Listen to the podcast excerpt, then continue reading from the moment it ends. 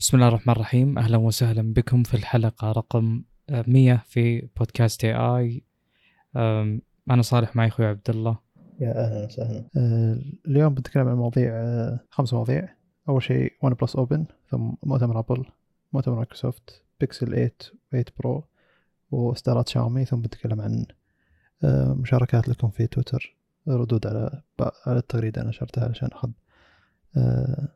كلامكم عن إنه وصلنا حلقة 100 وبعض الاستفسارات فأول شيء نبدأ ب OnePlus Open طيب يعني اصدارات OnePlus مؤخرا أعتقد ما لا يعني شيء ما يخفى على كثير منكم إنها مشابهة ال Oppo مع بعض الاختلافات اللي يعني flavor خلينا نقول OnePlus وهذا الشيء يعني قد يكون ظالم بالحكم على أي جهاز يصدر من OnePlus إنه مشابه لمثيله من Oppo أو نظيره. لكن في أمور آه يعني تميز OnePlus نوعا ما. آه الجهاز هذا للأمانة يعتبر يعني يوم تنظر إن شركة زي OnePlus شركة ما هي كبيرة تصدر جهاز زي كذا سواء جابته من Oppo ولا جابته من غيرهم آه يوضح خلينا نقول نوعا ما حس خلينا نقول التزام إن الشركة آه يعني داخله للسوق أكثر مما هي طالعة آه كما يعني أو عكس ما يتصور آه بعض الناس إن نوعا ما اللاعبين الصغار في السوق عمرهم ما هم طو... ما هو طويل. ون آه بلس آه فقدت يعني خلينا نقول جانب كبير من اللي كان يميزها في السابق وتغيرت وهذا طبيعي في السوق. فأنا بالبداية مثلا كانت نظرتي آه نوعا ما أعتقد إنها غير منصفة بالكامل للجهاز بحكم تشابهها مع مثيلها من اوبو تقريبا كل شيء نفسه يعني هاردويريا نفس أمور الوزن والنحافة والشاشات كلها تقريبا نفسها. ابى اتكلم على يعني مجملا نظرة للجهاز ثم بنسرد المواصفات. آه مثل ما قلت في أشياء تميزة قد تكون مميزة بالنسبة للمنافسين زي خلينا نقول حجم بطارية وأمور متعلقة بالشاشة الخارجية. فهو فعلا عنده شيء يقدمه آه للسوق. آه ابتداء بالسعر ميزة الجهاز صراحة يجيب configuration واحد أو يجيب آه خلينا نقول تخصيص مواصفات واحد. آه فيجي ب 512 تخزين و 16 جيجا RAM وهذا شيء رائع مع 8 Gen 2 آه السعر 1699 وهذا سعر مقارب للي موجود بالسوق. الاختلاف إن هذا تقريبا يجي fully loaded بسعر واحد بعكس آه الظاهر ال Fold يجي 256 و 512 آه اما خفضا يجي تيرا. فهذا ما في اختلافات كبيرة أو ما في آه فروقات بالسعر. طيب بخصوص التصميم الشاشة الخارجية أنا دائما أمدح وأركز على نقطة انه لابد يجي ما يزيد كطول عن 20 9 ما يروح 21 وأكثر إلا بحدود معقولة تخلي عرض الشاشة ما يقل عن 1080 وفي هذه الحالة هذا الشيء ينطبق آه مثل ما ذكرنا في ال Fold إن هذا الشيء ما ينطبق وهذا الشيء ممكن يسبب مشاكل في استعراض بعض أنواع المحتوى أو تشغيل بعض الألعاب بحكم انها أقل من ال resolution المعتاد. ولا يعطيك مساحة عرضية ممتازة بحيث إن بعض الأمور مثل الكيبورد أو لوحة المفاتيح أثناء الكتابة كل ما ضيقت الشاشة عرضيا مهما طولتها طوليا ما راح تستفيد. آه هذه نقطة جدا مهمة تخليك تحتاج العرض في الشاشة الخارجية. فللأمانة resolution ممتاز وأبعاد الشاشة من ناحية آه أنها ليست مستطيلة بشكل كبير بالإضافة إلى استغلال الحواف نعومة الحواف أنها جاية curvy كذا كأنها يعني الزوايا الحادة نوعا ما جاية دائرية وهذا شيء بحسب تصميم الجهاز يخدمه أو ما يخدمه. مثلا أنا وأشخاص كثير من محبين Note واللي رسى عليه ال S 23 Ultra مثلا من ناحية إنه مربع أكثر يعني أقرب إلى المربع من الزوايا الدائرية خلينا نقول. لكن أنا أعتقد ان أحيانا بعض الأجهزة تطلع جميلة زي البكسل اعتيادا بالزوايا الدائرية. فهنا نفس الشيء. للأمانة التصميم أشوفها جيد بالنسبة لل خلينا نقول الشاشة الخارجية. آه في بعض الملاحظات يعني أنا بذكر كل النقاط اللي كتبتها قد تكون يعني ما ما هي على نسق معين من حيث إنها تتكلم على نقاط داخل نقاط زي التصميم اولا اذكر كل شيء فيه وإلى آخره. فبتكلم مثلا على بعض الأشياء المفاجئة إن OnePlus الظاهر إلى الآن في كل الأجهزة هو أكيد إنه في هذا بس أعتقد في كل الأجهزة لا تزال تستخدم Type A إلى Type C آه صراحة ما أدري. يعني أعتقد من من يوم سامسونج وهي آخر الركب نوعا ما آه تحولت من يعني إلى Type C to Type C اعتقدت إن كل الشركات تتجه الاتجاه. بس أفترض إن OnePlus من من ذاك الوقت وال Dash Charging حقهم آه يعني بحكم سرعته ما في شكاوي كثيرة. آه على كل حال آه شكل الكاميرا الخ... ال... يعني الأساسي الكاميرا module أشوف إنه آه، يعني قديم نوعا ما آه، في دائرة كبيرة جدا جدا في آه، تصميم الجهاز من الخلف فيها ثلاث كاميرات كاميرتين أعلى وأسفل وكاميرا على ناحية واحدة بمعنى إن في ناحية فاضية مكتوب فيها هاسلبلاد على كبر الحجم حق وحدة الكاميرات هذه تفترض إن حتى الفلاش يكون داخل لكن للأسف ما هو داخل موجود في الزاوية في الخارج. بالنسبة لي يعني التصميم جدا جدا سيء وما يوحي إن الجهاز high end مو معنى إذا كبر الجزء الخلفي يعني الجهاز high end ولو إن بعض الأجهزة مثلا من شاومي زي نسخ ال Ultra اعتيادا تجي بوحدة كاميرات خلينا نقول مستطيلة آه، تملأ الجزء العلوي من الجهاز. أنا أشوف ذاك التصميم أجمل. طيب آه، في cover يجي مع الجهاز آه، أشوف إنه شكله جميل آه، المراجعين بيقولون مو بالضروره إنه high end بس إنه يعني يخدم الجهاز ك foldable وزن الجهاز جدا ممتاز جدا جدا ممتاز. وزن الجهاز 240 جرام مثل الآيفون 15 برو ماكس أظن مو نسخة التيتانيوم ما خاب ظني هو يجي نسخة نسخ تيتانيوم ونسخ عادية عادية. أنا تيتانيوم عادية ف... طيب. ف 240 240 أشوف إنه يعني إنه foldable يجي بحجم أو وزن آه، جهاز آه، عادي غير قابل للثني أمر ممتاز. إلى قدر كبير خصوصا إن الظاهر بطاريته مقاربة ل 5000 ملي امبير آه، هذا شيء أيضا ممتاز. بالنسبة لميكانيكية الصفط خلينا نقول. ميزة الجهاز بحسب المراجعين إنه يوم تفتحه وتثنيه ما فيه خلينا نقول آه، إحساس إن الثني والفتح آه، لا نهائي. بمعنى آه، في كثير مثلا مراجعين بالسيارات يتكلمون على الهنجز أو المفاصل حقت أبواب بعض السيارات زي جينيسيس جي 90 ولا بعض سيارات بورشه زي 911 انه ما في مكان يوقف يعني ما في عندك مثلا ثلاث مراحل يوقف عليها الباب حق السيارة إذا فتحته. فتحة ضيقة ثم وسط ثم أوسع. فهو يوقف على واحدة منهم عادة. أو إنك تحس وأنت تدف الباب إنه يوقف ثم يقاومك ثم يروح للي بعده. آه غالبا أبواب هذه السيارات تجي لا وين ما توقفه يوقف بنفس المكان. فهنا العكس في الهواتف. كل ال foldables السابقين آه وين ما توقفه يوقف. فأنت يوم تفتح الجهاز ما تدري متى ال click اللي بالأخير آه اللي تقول لك والله فتحته على الآخر ولا سكرته على الآخر. هذا قد يكون سلبي وقد يكون إيجابي. بس الجيد يعني ومثل ما يعني يقال انه 90% من حالات فتح وإغلاق ال foldable أنت تبيه مفتوح بشكل كامل أو مغلق بشكل كامل. يعني حالات إنك تفتحه بشكل آه، خلينا نقول غير كامل يوم تخليه تستخدمه كلابتوب مثلا اظنها من الحالات الأقل اللي 10% مثلا. فأنا أشوف إنه موفق إنك تخلي فيه ال click اللي بالبدايه والنهاية اللي يعلمك إنه خلاص وصلت للأخير. ويقولون الشعور يعني باستخدام أو صدور صوت الكليك أو سناب جدا جميل. طيب آه في حديث ان التصميم والجهاز مغلق نوعا ما خالي من المساحة يعني غير مستغلة يعني جابلس يعني ما فيه مكان ممكن يدخل فيه الغبار أو إنه يكون ما هو شكله متتام الانغلاق خلينا نقول.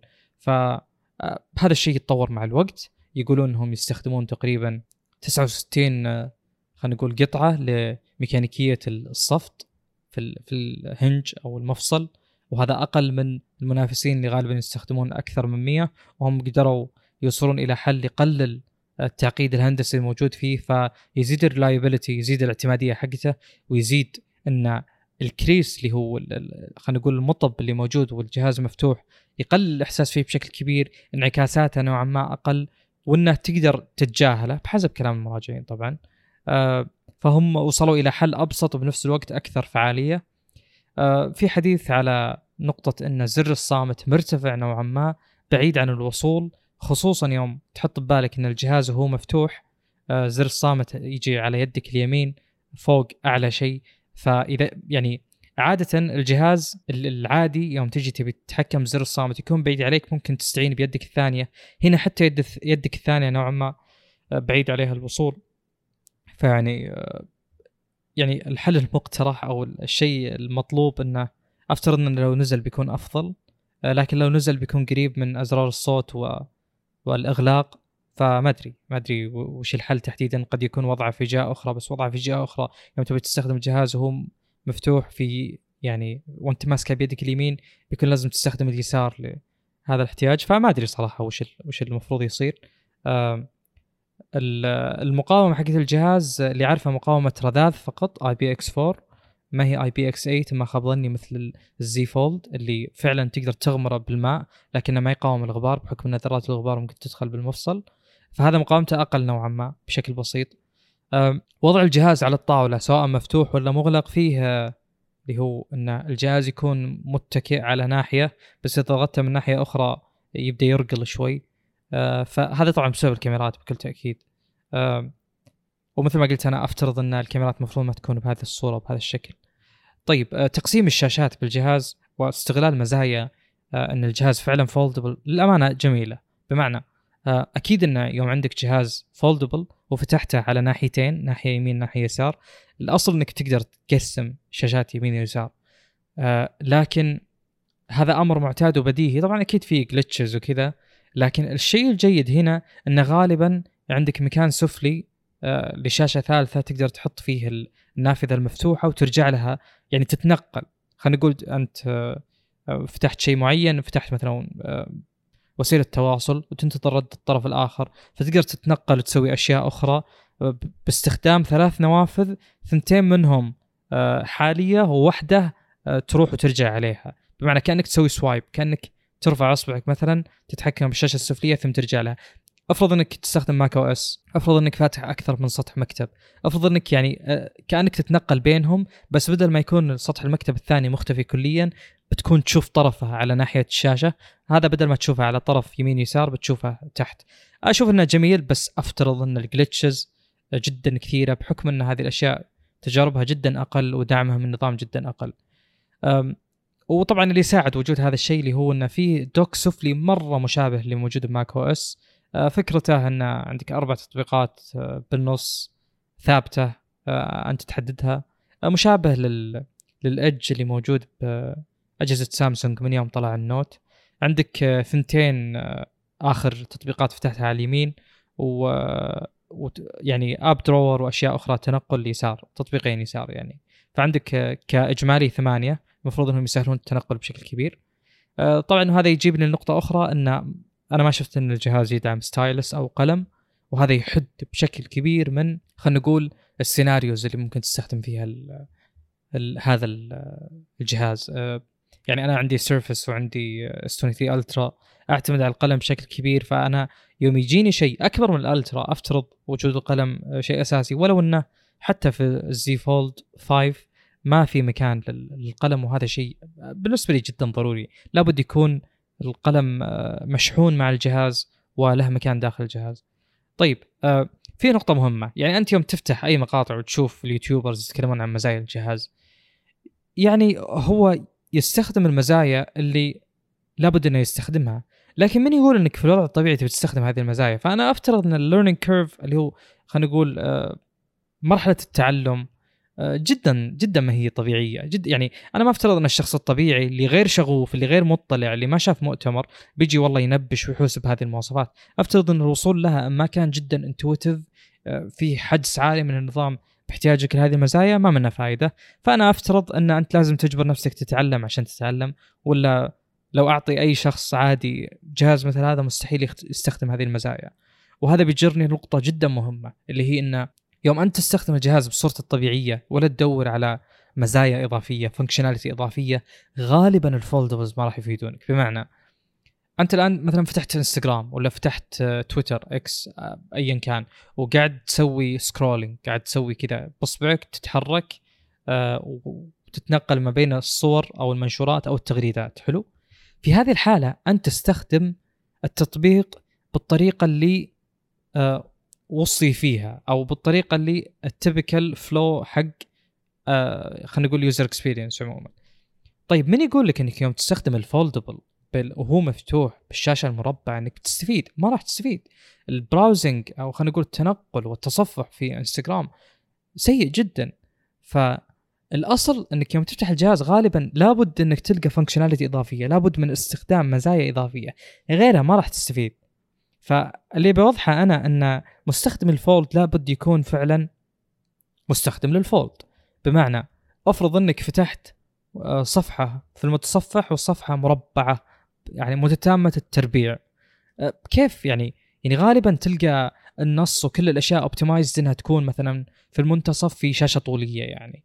ف استخدام ال foldables يعني لابد يخدم بشكل كبير من النظام ويخدم بشكل كبير كدعم من خلينا نقول آه، المنصات الموجودة.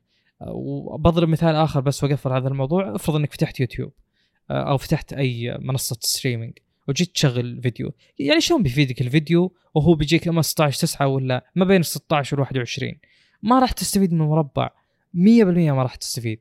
آه فهذا هذا شيء يعطي محدودية كبيرة ونوعا ما يوصي بدعم ال foldables عشان ينتعش هذا السوق لأن بدون multitasking أنت فعليا ما تستفيد. آه من وجود ال foldable لابد من multitasking لابد بشكل كبير. وبعض الألعاب يوم تيجي تشغلها على ال full resolution على المربع بشكل كامل بتكتشف إنه والله الدعم تعبان. بعض الأزرار تجي تضغطها ما تنضغط آه، ممكن تصير في glitches مثل ما ذكرت في السابق. آه، في نقطة يعني بحكم الألعاب والأمور هذه أنتقل لها. آه، كل السيجويز هنا سموث اللي هي نقطة أن بما أن تكلمنا على الشاشة المربعة والكبيرة وتكلمنا عن إنه يجي بس 16 جيجا RAM 512 آه لابد نتكلم عن الألعاب بما إني ذكرت طاريها تو. يوم تجي تلعب بكل تأكيد جهاز بهذا الحجم بهذه الأبعاد وبكمية السطح الموجودة أنا أشوف إنه عبارة عن heat sink متنقل. يعني تشتيت الحرارة بيكون جدا ممتاز بهذا الجهاز. وهذا الشيء ذكر كثيرا و... وفعلا هو الواقع. آه 100% تشتيت الحرارة بهذا الجهاز أفضل من الأجهزة العادية بحكم إنه عنده مساحة كبيرة جدا يشتت فيها. بمعنى أنت عندك تقريبا دبل المساحة العرضية لكن آه يعني يوم تفتح الجهاز جهة منه معدنية غالبا وجهة زجاجية بحكم الشاشة الخلفية. فطالما إن الشاشة الخلفية آه ما تشتغل ما راح تجيب حرارة لكن ممكن تعزل شوي إن حرارة المكونات الداخلية تطلع بشكل بسيط جدا لكن اجمالا تشتيت الحرارة في في الجهاز آه جدا رائعة ويعجبني جدا إنهم ما بخلوا عليه بأي خلينا نقول hardware فيعتبر fully loaded فالأصل إنك ما راح تواجه مشاكل. ال multitasking مع 16 جيجا RAM هو الحل الأمثل. أنا أعتقد إن يعني ك concept مجملا تقريبا هذه النقاط كل النقاط اللي عندي ك concept ووجود خلينا نقول توجه من شركات كثيرة بهذا الاتجاه يعني أمر جيد كدافع لل communities إنهم آه، خلينا نقول يوفرون حلول أفضل لأن بعض الألعاب صراحة شكلها جدا قبيح على ال foldables خصوصا إن كثير منهم آه، يستخدم resolutions غير معتادة في ال... والجهاز مفتوح ف فغالبا آه، ما لوم اللعبة إنها تحتار بس بنفس الوقت لابد من حل وسط بين الاثنين يخلي ال user قادر إنه يستخدم الأجهزة هذه بشكل ممتاز. جميل. آه عندي كم نقطة إيجابية وكم نقطة سلبية. آه في البداية أن الإطلاق للنسخه العالمية والمحلية بنفس الوقت العالمية والصينية بنفس الوقت هذا شيء جيد. يعني بنفس اليوم أطلق Oppo Find N3 و OnePlus Open. نفس الجهازين بالضبط هذه نسخة عالمية هذه نسخة صينية وهذا شيء مرة ممتاز. آه كان في مشكلة بالأجهزة OnePlus الأخيرة انه إذا طلبتها من الصين وشغلتها في مكان خارج الصين آه بيدفع عليك منفذ الشريحة. يعني ما راح تقدر تستخدم على الواي فاي وهذه كانت مشكلة. فالحين جيد إنهم يصدرون النسخه الصينية هي Oppo والنسخة العالمية هي OnePlus مع إنه ما أدري إذا OnePlus عالمية عالمية. ما أدري إذا OnePlus Open نفسها في منها نسخة صينية ونسخة نفس الجهاز يعني في منه نسخة صينية ونسخة عالمية ما أدري. آه شيء ثاني إنه أعتقد إن الشركات اللي قاعد تحاول تنزل أجهزة فولدبل الحين غير سامسونج ما تقدر توفر كميات وما قاعد تنزل على كل الأسواق اللي هي موجودة فيه. الجهاز هو مجرد لفت انتباه آه، تسويق للشركة ذكر, اسم الشركة أكبر ما أنهم هم يبون فعلا يبيعون. أعتقد أن القطع جدا غالية عليهم. ومع احترام شديد لكل المراجعين اللي قالوا أن الجهاز غالي بالنسبة للمواصفات حقته نهائيا ما هو غالي. الجهاز سعره جدا معقول 1700 دولار. يعني لو تقارنه بكل الأجهزة ال foldable الموجودة بتلاحظ أن كل جهاز foldable آه، يعني في, نقطة ضعف. مثلا سامسونج عندك انه أوه شاشة خارجية نحيفة وعندك مشكلة إن الكاميرات ما هي بجودة كاميرات أجهزة ال flagship حقتهم. بينما في ون بلس لا الشاشة خارجية حجم ممتاز الشاشة الداخلية حجم ممتاز. كلهم LTPO كلهم السطوع حقهم عالي كلهم 120 هرتز. آه الكاميرات أفضل من الموجودة على أجهزة ون بلس ال flagship يعني إذا أخذت ون بلس اوبن الكاميرات اللي معك أحسن من كاميرات ون بلس 11 ف زي اللي ما في جانب من جوانب الجهاز هم مسترخصين فيه وأعطوك تقريبا أفضل شاشة داخلية من دون أي نتوء غريب على الشاشة. يعني أقل نتوء موجود على أي جهاز من تجربة ناس كثيرين وحتى لما تشوف التصوير تركز فيه إنه حتى مع انعكاس الاضاءه على الشاشة تشوف النتوء مرة بسيط. آه شيء ثاني يعني ما في أي استرخاص من ناحية المساحة. أقل شيء تقدر تاخذ 512 أقل شيء تقدر تاخذ 16 جيجا RAM يعني أتوقع لو 512 16 جيجا RAM على أي جهاز ثاني بتوصل 1200 دولار. ف 1700 دولار على جهاز foldable بكل المزايا هذه مع كاميرا أحسن من الموجوده على أجهزة ال flag حقتهم. السعر جدا جدا معقول يعني. يعني لما ترجع لجوجل بيكسل تلقى استرخاص أماكن معينة. المعالج حقهم ما, ما يكفي الأشياء المهام الموجوده على الجهاز. الشاشة الخارجية ما هي بالجودة المطلوبة. اضاءه إضاءة الشاشة الداخلية ما هي بالجودة المطلوبة. ف غير البطارية حقت البكسل أيضا سيئة جدا. فالجهاز هذا أحس انه يعني هم مكلفهم أز أز بزيادة وما ما أحس إن الربح أصلا كافي لهم خاصة إنهم داخلين شاشة قابله للانحناء أو الانثناء على سامسونج مرة رخيصة لأن هي هي بنفسها تصنعها ولها سنين تصنعها. لكن تجي على شركة مثل ون بلس وتطلب شاشة بالمواصفات هذه كلها وتفصل لها hinge جديد وتفصل لها مقاس شاشة جديد. تطلب من سامسونج انها تصنع ولا أي شركة ثانية انها تصنع هذا تكلفة جديدة كليا. آه، مع إنه لها أجهزة فولد سابقة لكن أقصد في تقدم كبير لما تلاحظ الفولد اللي قبله واللي الحين آه، سامسونج باقي على نفس الشكل على نفس الحجم علشان توفر وتستخدم نفس آه، الشاشات اللي أصدرتها لها سنتين ثلاثة. فزي اللي لا على تطور الجهاز على جميع المواصفات اللي حاطينها على الجهاز شيء مو معقول. السبيكرات الموجودة بالجهاز المعالج آه، فما في أي استرخاص بأي مكان يعني. الجهاز جدا نحيف وزنه ممتاز يقارن بال flagship العادي اللي ما هو foldable فاذا أنت بالك foldable ولازم يكون الجه... يعني الجهاز مدعوم عندك لأن أي مشكلة بالجهاز مستحيل أي شركة ثانية تقدر تصن... تقدر تصلح الجهاز هذا أو أي فني يقدر يصلح الجهاز هذا. الجهاز إذا خرب تبتلش فيه حرفيا. آه، خاصه خاصة مع الميم اللي طالع على ون بلس ان هالشركه يعني كثير من آه، أجهزة ون بلس قاعد يجيها مشكلة الخط الأخضر اللي بوسط الشاشة فزي اللي بدأوا الناس يحطون شعار ون بلس عليه خط أخضر بوسطه يعني فتلقى هذا الميم منتشر يمكن له سنه وشوية وأقل. آه لكن آه إذا كان يعني عندك وكيل محترم يصين الجهاز والجهاز متوفر ما ما أشوف لا ما ما أقول ما أشوف أي سبب إنه يمنع من إنه تاخذ الجهاز هذا خاص إنه أفضل foldable إذا ما كنت مهتم بال desktop تجربة ال desktop مثل ال DeX أو غيرها. لأن هذا الشيء الوحيد اللي ينقص الجهاز علشان يصير نوعا ما مكتمل. قلم. أه. يعني هذه صراحة مزايا. حلو. لا فعلا تنقص الجهاز. أه. توجهات ثانية بال foldable عجبتني اللي هو إن كلهم قاعد يستخدمون بصمة آه، الأصبع على زر على زر التشغيل. وأتمنى هذا الشيء يرجع حتى للأجهزة العادية. أتمنى إنه ما ينتهي تصنيع الزر اللي عليه البصمه علشان يكون موجود حتى على الأجهزة العادية مو شرط إنه جهاز قابل للثنائي لأنه هو أفضل تجربة من تجربة شخصية. أه، يعني حتى الوالد غيرت جهازه قبل كم يوم وكان جهازه اللي قبله البصمة على زر زر زر التشغيل والجهاز الجديد البصمة على الشاشة. فزي اللي ليش وش الغباء هذا؟ هذا الجهاز أجدد وأقوى وأفضل وأغلى. لكنه بصمة أبطأ موجوده على الشاشة مو هو ما كان متصور يعني هو ناسي إنه في بصمة على على زر التشغيل من كثر ما إنه صار طبيعي استخدامه.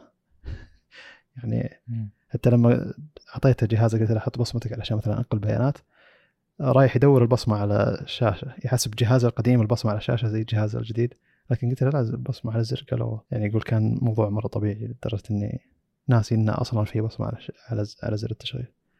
فما ودي ينقطع الشيء هذا ودي انه من كثر ما تتصنع يكون موجودة على أجهزة ثانية عادية ما هي قابلة للانثناء طيب آه عندي إضافة على موضوع البصمة. حلو. تكلمت آه، أظن في مقطع بيوتيوب وأظني تكلمت في البودكاست وأظنك اتفقت معي أن الفلاج شيبس ما في أي مانع لوجود البصمة بأكثر من مكان. أنا أفترض أن لا يوجد أي مانع إطلاقا من جميع النواحي تقنية وأمنية انه يكون في أكثر من مستشعر البصمة.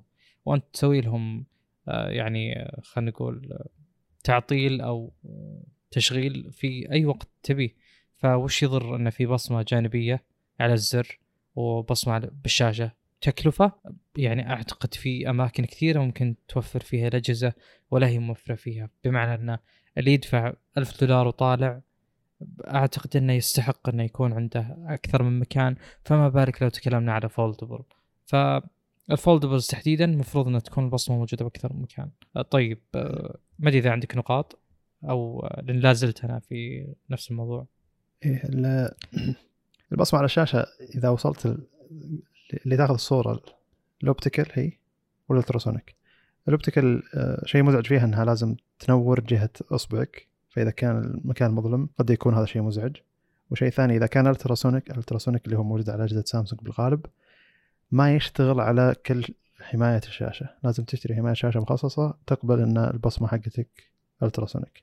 ف زي اللي فيه تعقيدات إضافية إذا استخدمت يعني أو أشياء أقل أقل راحة بالاستخدام.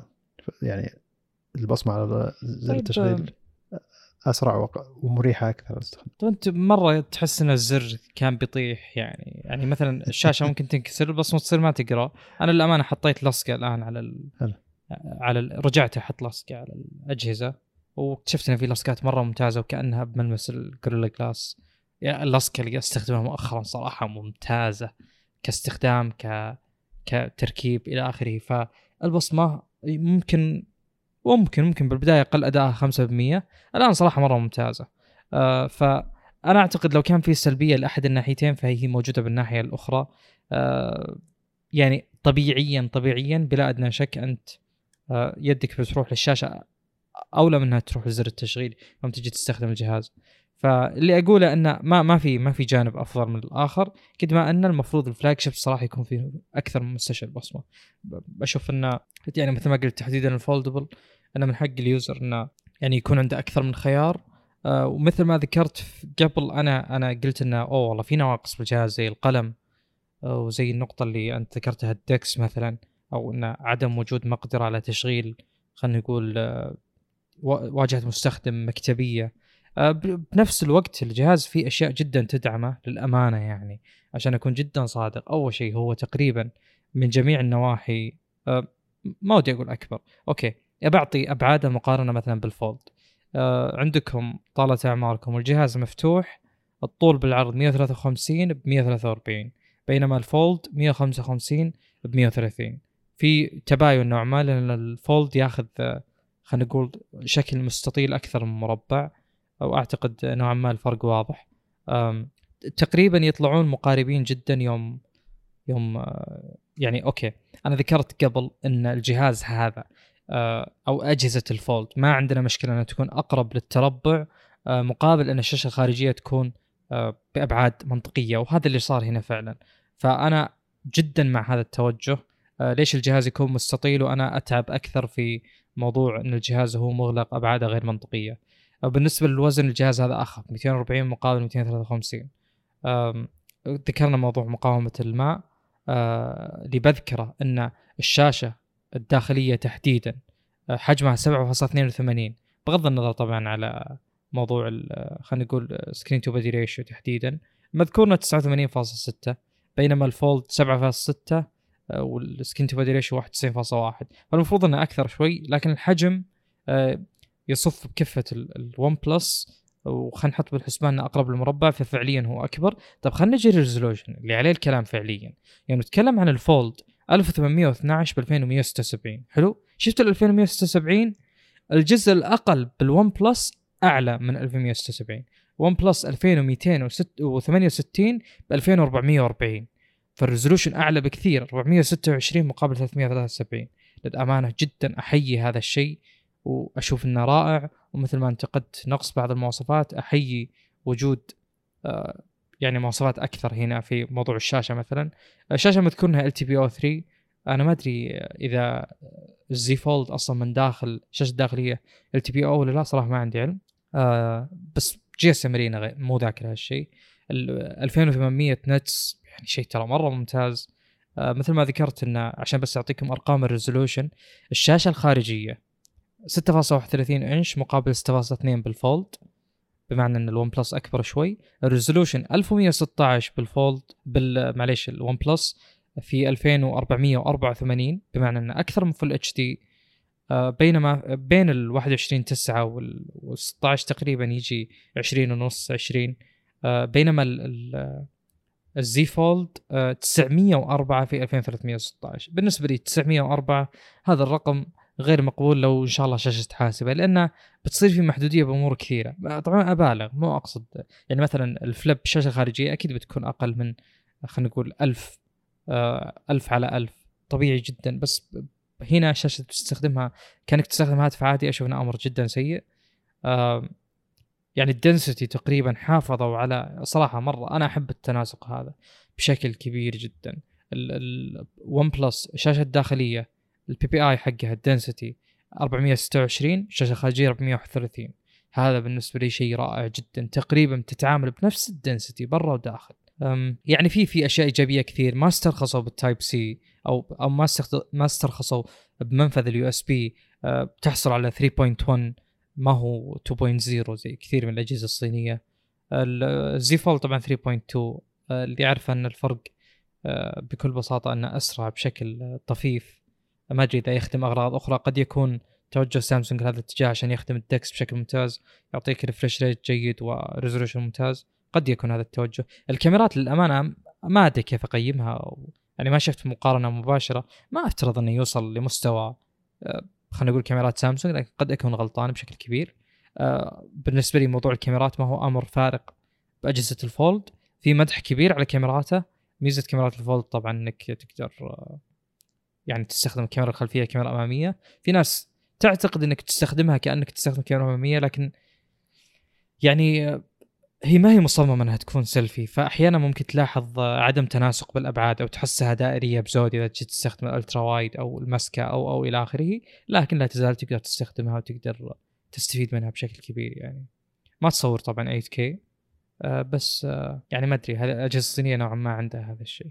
بس. جميل. آه ما في إضافة ننتقل للموضوع اللي بعده طيب آه الموضوع اللي بعده اللي هو تبي نتكلم عن إيش بس؟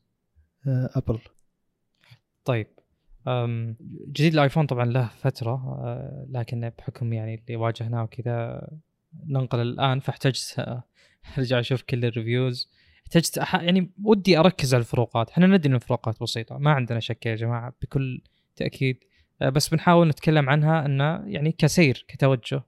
آه، سوق الهواتف مجملا هذا الوضع فيه بمعنى ان أنت تشتري هاتف متى ما احتجت بمعنى والله جاك وقت حسيت إن الجهاز اللي معك قديم فيه هذه المشاكل يوم يوم تجي تحدث جهاز جديد ما راح يفرق معك نزل جهاز ولا بينزل قريب ولا الجهاز اللي نازل بالسوق له فترة. غالبا بتشتري كأنه شيء اشتراك يعني.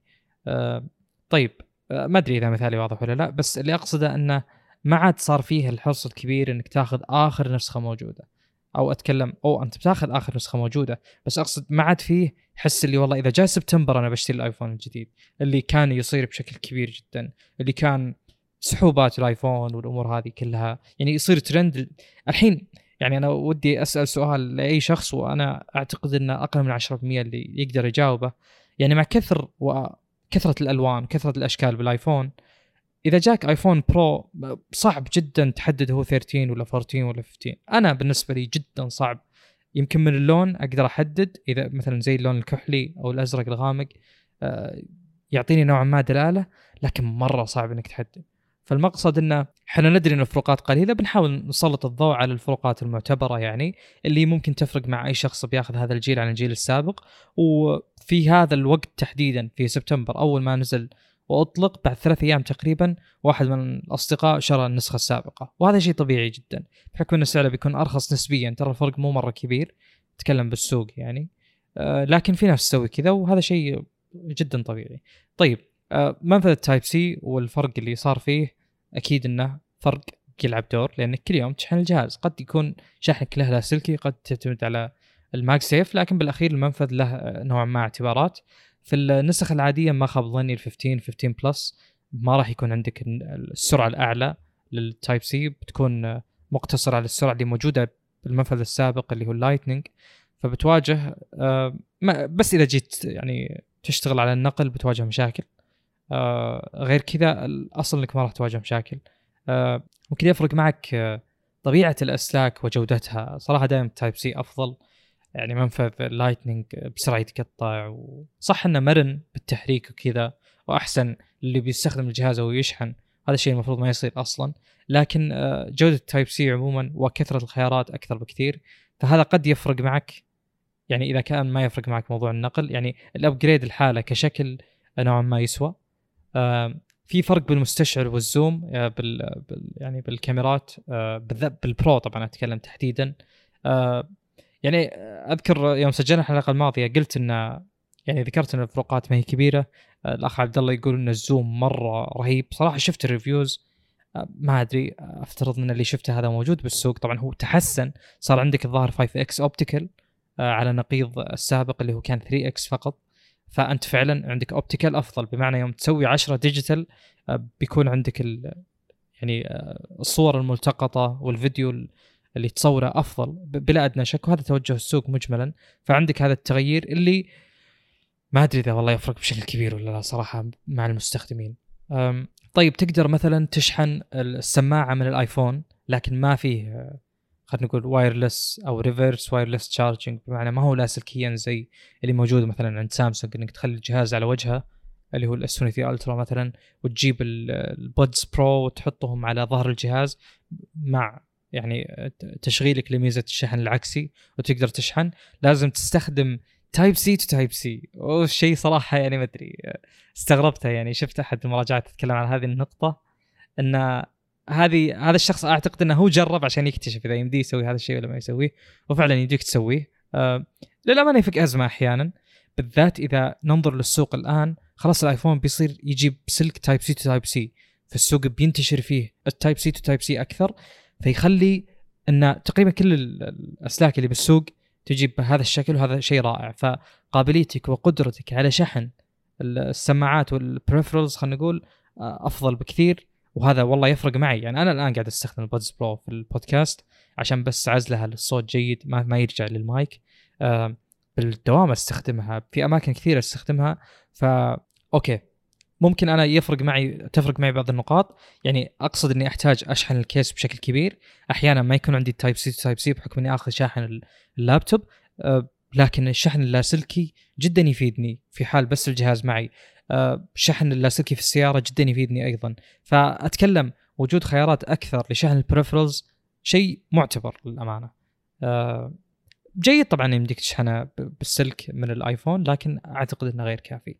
في زر للاختصارات نوعا ما اللي هو كان الظاهر زر الصامت اللي تقدر تخصصه الآن تخليه يسوي شيء معين. آه، الأخ عبد الله مطلع أكثر. آه، يعني هو آه، نوعا ما آسف إنه ما يمديك تحط أكثر من اختصار وأكثر من شيء. هو شيء واحد بس اللي تسويه. معليش حركت كلامك. ما أدري إذا في إضافة على الكلام هذا أو لا. المهم إنه جيد إنك تقدر تخصص الزر اللي ممكن ما تستخدمه. بمعنى يوم سامسونج كان عندهم زر Bixby مو بالضرورة الناس تستخدم الزر هذا ال Bixby. أنا ما أستخدم Bixby. نهائيا أنا إنسان أشوف إني كلاسيكي جدا فأي زر تحطه لي ودي أستخدمه بطريقتي الخاصه بمعنى في فترة سابقة بعيدة جدا أيام OnePlus كنت يعني في ميزة رائعة. ما أدري ليش اندثرت. قد تكون موجودة في OnePlus إلى الآن بس ليش ما تم تبنيها من آه، أجهزة أخرى صراحة ما أعرف. اللي هو كنت أسوي ب gesture يعني أرسم في شاشة طافية يشتغل الفلاش. أرسمها مرة ثانية يطفى. أسوي أوه نسيت والله وش يصير بالضبط بس يصير شيء معين. فليش هذا الشيء مو موجود؟ أنا ما عندي علم صراحة. فوجود gestures واختصارات وتخصيص لأزرار زي زر Bixby وغيره شيء جدا ممتاز. أذكر إنك شاركت شيء معي. ترى ذي ما زالت موجودة. رائع جداً. إنك ترسم على الشاشة وهي طافية. موجود ب Realme و Oppo. جميل جدا. OnePlus يعني. أخذوها من Plus لل- للناس كلها يعني حلو. كل شركات BBK. حلو. أم طيب يعني في أزرار التخصيص أذكر إنك شاركت معي تطبيق من المتجر أو اظنه APK ما أذكر بالضبط كان يسوي تخصيص الزر Bixby كنت تقول استغله وكذا. فواضح حرصك واضح جدوى هذا الشيء كون إنه يجي ال developer ينزل شيء يخصص زر موجود أصلا لاستخدام مزايا أخرى. ايا كانت أبرزها تشغيل الفلاش. أعتقد الناس بالليل مثلا بالذات ما أدري إذا استيقظ وسط نومه أحيانا يكون مفتاح اللمبة بعيد ولا إذا كنت رابطة مثلا بهاتفك ما ودك تشغل آه، الشاشة وتعميك شوي ودك بفلاش بدرجة منخفضة آه، تشوف فيه. فما أدري أنا أحتاجه بشكل متكرر بشكل كبير. فوجود تخصيص جيد وكويس إنه موجود بالآيفون. وأنا أصف مع الأخ عبد الله في ناحية إنه آه، يا ليت لو كان في مثلا خلينا نقول ضغطة واحدة تفتح لك اختصار معين بس إذا علقت عليه يطلع لك list ة اختصارات قائمة اختصارات تختار أي اللي يناسبك منها. طيب آه النقطة اللي بعدها البطارية. آه للأمانة على قولتهم mixed bag آه البطارية ما هي أفضل ولا هي اسوء بشكل واضح. ال 15 Plus جدا قوي كبطارية لكن باقي السلسلة آه بعضها آه بعض التجارب اللي في بداية الإطلاق اللي ما أشوفها تكررت الآن كانت تتكلم انه فجأة الجهاز يسخن ويستهلك بطارية بشكل طائل آه، في ظروف آه، خلينا نقول outdoors خارج البنيان. آه، بس الناس هذول ما يفترضون الحرارة بسبب الشمس وبسبب إن الجهاز يحاول يرفع السطوع يقولون إنها glitches يعني نوعا ما بالمعالج أو بال SoC خلينا نقول. فأنا أفترض مجملا بحسب التجارب اللي شفتها إن تقريبا أداء البطارية في ال Pro Max قل بنسبة 3 إلى 5% فرق ما هو مرة واضح آه، لكن ال 14 Pro أظن أقوى جهاز نزل كبطارية جدا قوي. 14 Pro Max طبعا مو ال Pro العادي. ال Pro ال 15 Pro نوعا ما تحسن عن الماضي تحسن طفيف لأن الماضي أصلا ما كان جدا قوي. آه هذه هذه نقاط للأمانة ما ما تؤخذ يعني ما تؤخذ على قولتهم for granted ما هي محسومة. ليش؟ لأن الجهاز هذا في أول اصداراته في معالج جديد. الأجهزة السابقة قد وصل قد يكون وصل لها optimization عالي جدا فخلاها تصل إلى نضج في استخدام الموارد يخلي البطارية أفضل من حتى وقت الإطلاق. وقد تكون الآن فيه مشاكل آه، بتنحل بعد شهر مثلا ويصير استقرار الجهازين آه، يعني واختبارهم بنفس الوقت يعطي مثلا أفضلية للنسخ الحديثة. فأنا أقول بس إنه البطارية حول بعض ما هي نقلة يعني هي طبعا هي ممتازة من أول فما هي ما زادت بشكل كبير ولا تضررت بشكل كبير. آه، من مزايا وجود ال Type-C يعني إحنا نعيد ونكرر طبعا لأهمية وجوده إنك تقدر تسوي stream تقدر تشبكه تشبك الهاتف في شاشة مثلا monitor وعلى طول تشوف محتوى الايفون آه، مستعرض في الشاشة. آه، هل هذا الشيء جدواها عالية جدا؟ أنا صراحة ما أدري متى ممكن تشبك والله الجهاز في تي في ولا شيء عشان تشوفه خلينا نقول بأبعاد عالية خصوصا إنك قد يكون فيها compression أو أو ايا كان من المحدوديات يعني. لكنك تقدر تسوي هذا الشيء على كل حال. آه وتقدر بما انه Type-C تقدر تشبك keyboard خارجي وبيشتغل بشكل ممتاز. ولا drivers ولا شيء تكتب بال keyboard الخارجي أبد كأنك تكتب في خلينا نقول آه كمبيوتر. آه تقدر تشبك ماوس بس ما أدري إذا الماوس يشتغل ولا لا بالشكل المطلوب. ما خاب ظني إنه يشتغل بس ماني متأكد قد ما إني متأكد بجزئيه ال keyboard. آه، بخصوص المعالج في النسخ ال Pro يعتبر أول معالج 3 nanometers يعني نقلة نوعا ما المفروض في استهلاك الطاقة والكفاءة. كقدرات للمعالج الكثير جد يعني كثير من الناس جدا يمدح تطور القدرات. يعني ما فيه مجال كبير لاختبارها لكن في potential عالي للجهاز. أرقامه اقتربت نوعا ما من ال M1 يعني أكيد إنه مع تطوره ومع وجود ال M1 في في نفس خلينا نقول المعمارية في نفس التصميم آه، بيكونون جدا متقاربين.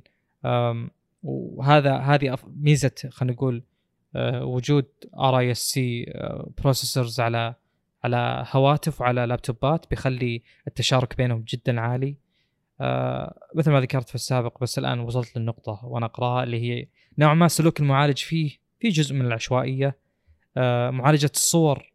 آه لاحظت ما أدري بحسب كلام أحد ال reviewers انه شوي في عدم تناسق بمعنى مرات آه يرفع ال highlights مرات لا ينزلها مرات ينزل ال shadows مرات يزيد خلينا نقول ال vibrance وال saturation آه أنا ما أقول إن هذا سلوك سيء. أنا أقول إن الصور عموما تصوير ال ال الصور في الهواتف آه تغلب عليها الذوقيات بشكل كبير. آه أنا بالنسبة لي أهم شيء يطلع صورة حلوة بمعنى إنه هذا الشيء طبعا صعب قياسه أكيد بس إنه تفضيل الناس غالبا إن الصورة يكون فيها درجة ألوان جيدة ما يكون فيها يعني over exposed details أو under exposed details نفس الشيء. ف العشوائية هي مشكلتها تخلي إنك ما تقدر تحط خلينا نقول مواصفات معينة وتتمنى إن ال- ال- المعالج أو الجهاز يتقيد فيها. بمعنى أنا بالنسبة لي في حال تصويري لأي صورة في أي آه، جهاز من أجهزة سامسونج على طول أسوي tap كذا على الشاشة ثم أنزل exposure دائما بالنسبة لي يعتبر over exposed مو over exposed كصورة قد ما انه دائما يخلي ال shutter أبطأ ما أنا أبيه يكون. دائما يفضل إن كل ال shadows تكون واضحة على أن آه، خلينا نقول ال highlights تكون مو محروقة. آه، أشوف إن ال dynamic range خرافي بس بالنسبة لي still دائما أبي إن الصور نوعا ما تكه على خلينا نقول آه، سامسونج تكون under exposed فلو قدرنا مثلا نجي ونقول والله لو لو أقدر أحط إعدادات عامة تأثيرها جدا بسيط على التصوير إني أقول له والله تدري دائما الحد الاعتيادي لل exposure لك قلله بنسبة 0.2% ولا 0.5% يعني أقل من 1% أبي تعديل بسيط دائما لأني بكل مرة أسوي tap وأسوي الحركة هذه. فأنا شطحت عن مو- موضوع خلينا نقول سلوك الآيفون في التصوير بس أنا بوضح دائما إن إذا كان الموضوع pure art فن مطلق آه، الجهاز ما راح يتصرف بنفس التصرف بنفس السيناريو. كل مرة بيقرر قرار لتغير أحد المتغيرات في الصورة. وطبعا أحد المراجعين يقول أن طالما أني أقدر أعدل واحوس بالصور يعني مثلا تقدر تصور بالآيفون أكثر من صورة آه، أحيانا مثلا آه، أحد الأمثلة أنه والله تصور خلينا نقول شيء في على شاطئ باينة فيه الخلفية مثلا الأفق خط الأفق والبحر والسماء والغيوم آه، والرمل حق الشاطئ والشيء الموجود اللي هو ال object تقدر تقول والله هو كذا يعطيك options تبي مثلا السماء تصير بدل ما هي حمراء شوي آه، تصير زرقاء شوي. تبي ال- البحر الزراق حقه يبين أكثر. تبي الرمل بلون بيج واضح ولا بلون نوعا ما شاحب؟ وتبي الشيء خلينا نقول بألوان أدفى ولا أبرد؟ فنوعا ما التساؤلات اللي إذا أقدر أسوي كذا وصورت مثلا آه، صورة ل 10 أشخاص صورت 20 صورة ل 10 أشخاص. ال 10 أشخاص صعب تحكم عليهم أو صعب تخلي تعابيرهم كلها آه، ملائمة للصورة ومتجهة عيونهم متجهة للصورة. فغالبا تلقى واحد يرمش واحد يلتفت واحد يضحك واحد خلصت ضحكته فغالبا الناس ما هم على نفس النسق في الصورة. ففي هذه الحالة الآيفون يقول لك تدري أنا أقدر أعطيك الصورة المثالية. فيجي يلقط من يلقط وجه كل واحد في صورة من العشر أو العشرين صورة ويعدلها ويدمجهم مع بعض. فتقريبا يعني هذه الصورة ما هذا الحدث اللي أنت تشوفه ما صار ما هو موجود. أن الناس بالطبيعة هذه والخلفية حقتهم كذا والتعابيرهم كذا وإلى آخره في نفس الوقت. بمعنى أنك نوعا ما زيفت الذكريات. فوش فائده الصورة في هذه الحالة؟ طبعا أنا ما راح أروح لهذا ال extreme بس أنا أقول يعني في ناس تقول مثلا أن الصور هذه دام أنك والله تبي تصور وتعدل ليش ما ترسمها؟ أو وش هدفك الأساسي؟ وجود الصورة؟ ابتكر الصورة. قد قد تقدر تبتكر صورة ب AI ولا شيء زي اللي تسويه الناس الحين بال خلينا نقول ال avatars بال social media صورة AI generated فالصورة ما هي موجودة ولا قد صارت. تعابيرك هذه ما هي موجودة إلى آخره. هي مجموعة صور تم تحليلها وتركيب خلفية عليها وإلى آخره. ف في ناس ترفض هذا الزيف إنها لا الصورة موجودة to to capture moments يعني تو يعني زي إنك تلتقط الذكرى وتحفظها بس قد يكون في imperfections والله الواحد قاعد يرمش ولا قاعد يسوي شيء معين.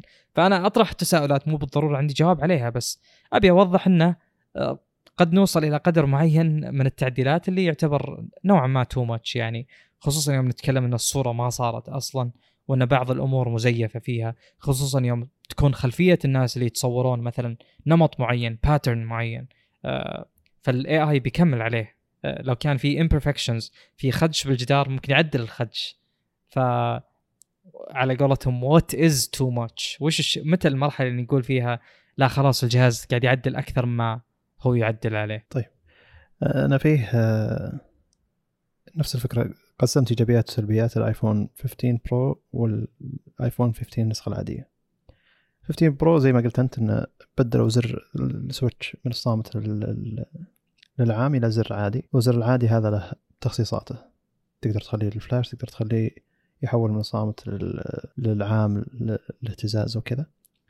آه، لكن في تخصيص أكثر أكثر قوة يعني اللي هو حطوا نفس تطبيق ال shortcut إنك يعني تقدر تختار تطبيق shortcut من ضمن ال- الأشياء اللي تقدر الأشياء اللي تقدر تخصصها. وداخل تطبيق shortcut تختار وشو الزر ال- زر نقدر نسميه زر الصامت أو زر الأكشن يسموه ظاهر action button. إي نعم. آه، وش وش يسوي لك؟ فتقدر تحط خطوات إنه إذا ضغطت الزر هذا سوي كذا كذا كذا كذا. واللي يستخدم shortcut سواء بماك أو ب iOS بيعرف الفكرة وش هي يعني بال- بالضبط. لأن هي سلسلة أحداث ورا بعض بعد ما بعد ما تسوي الشيء هذا.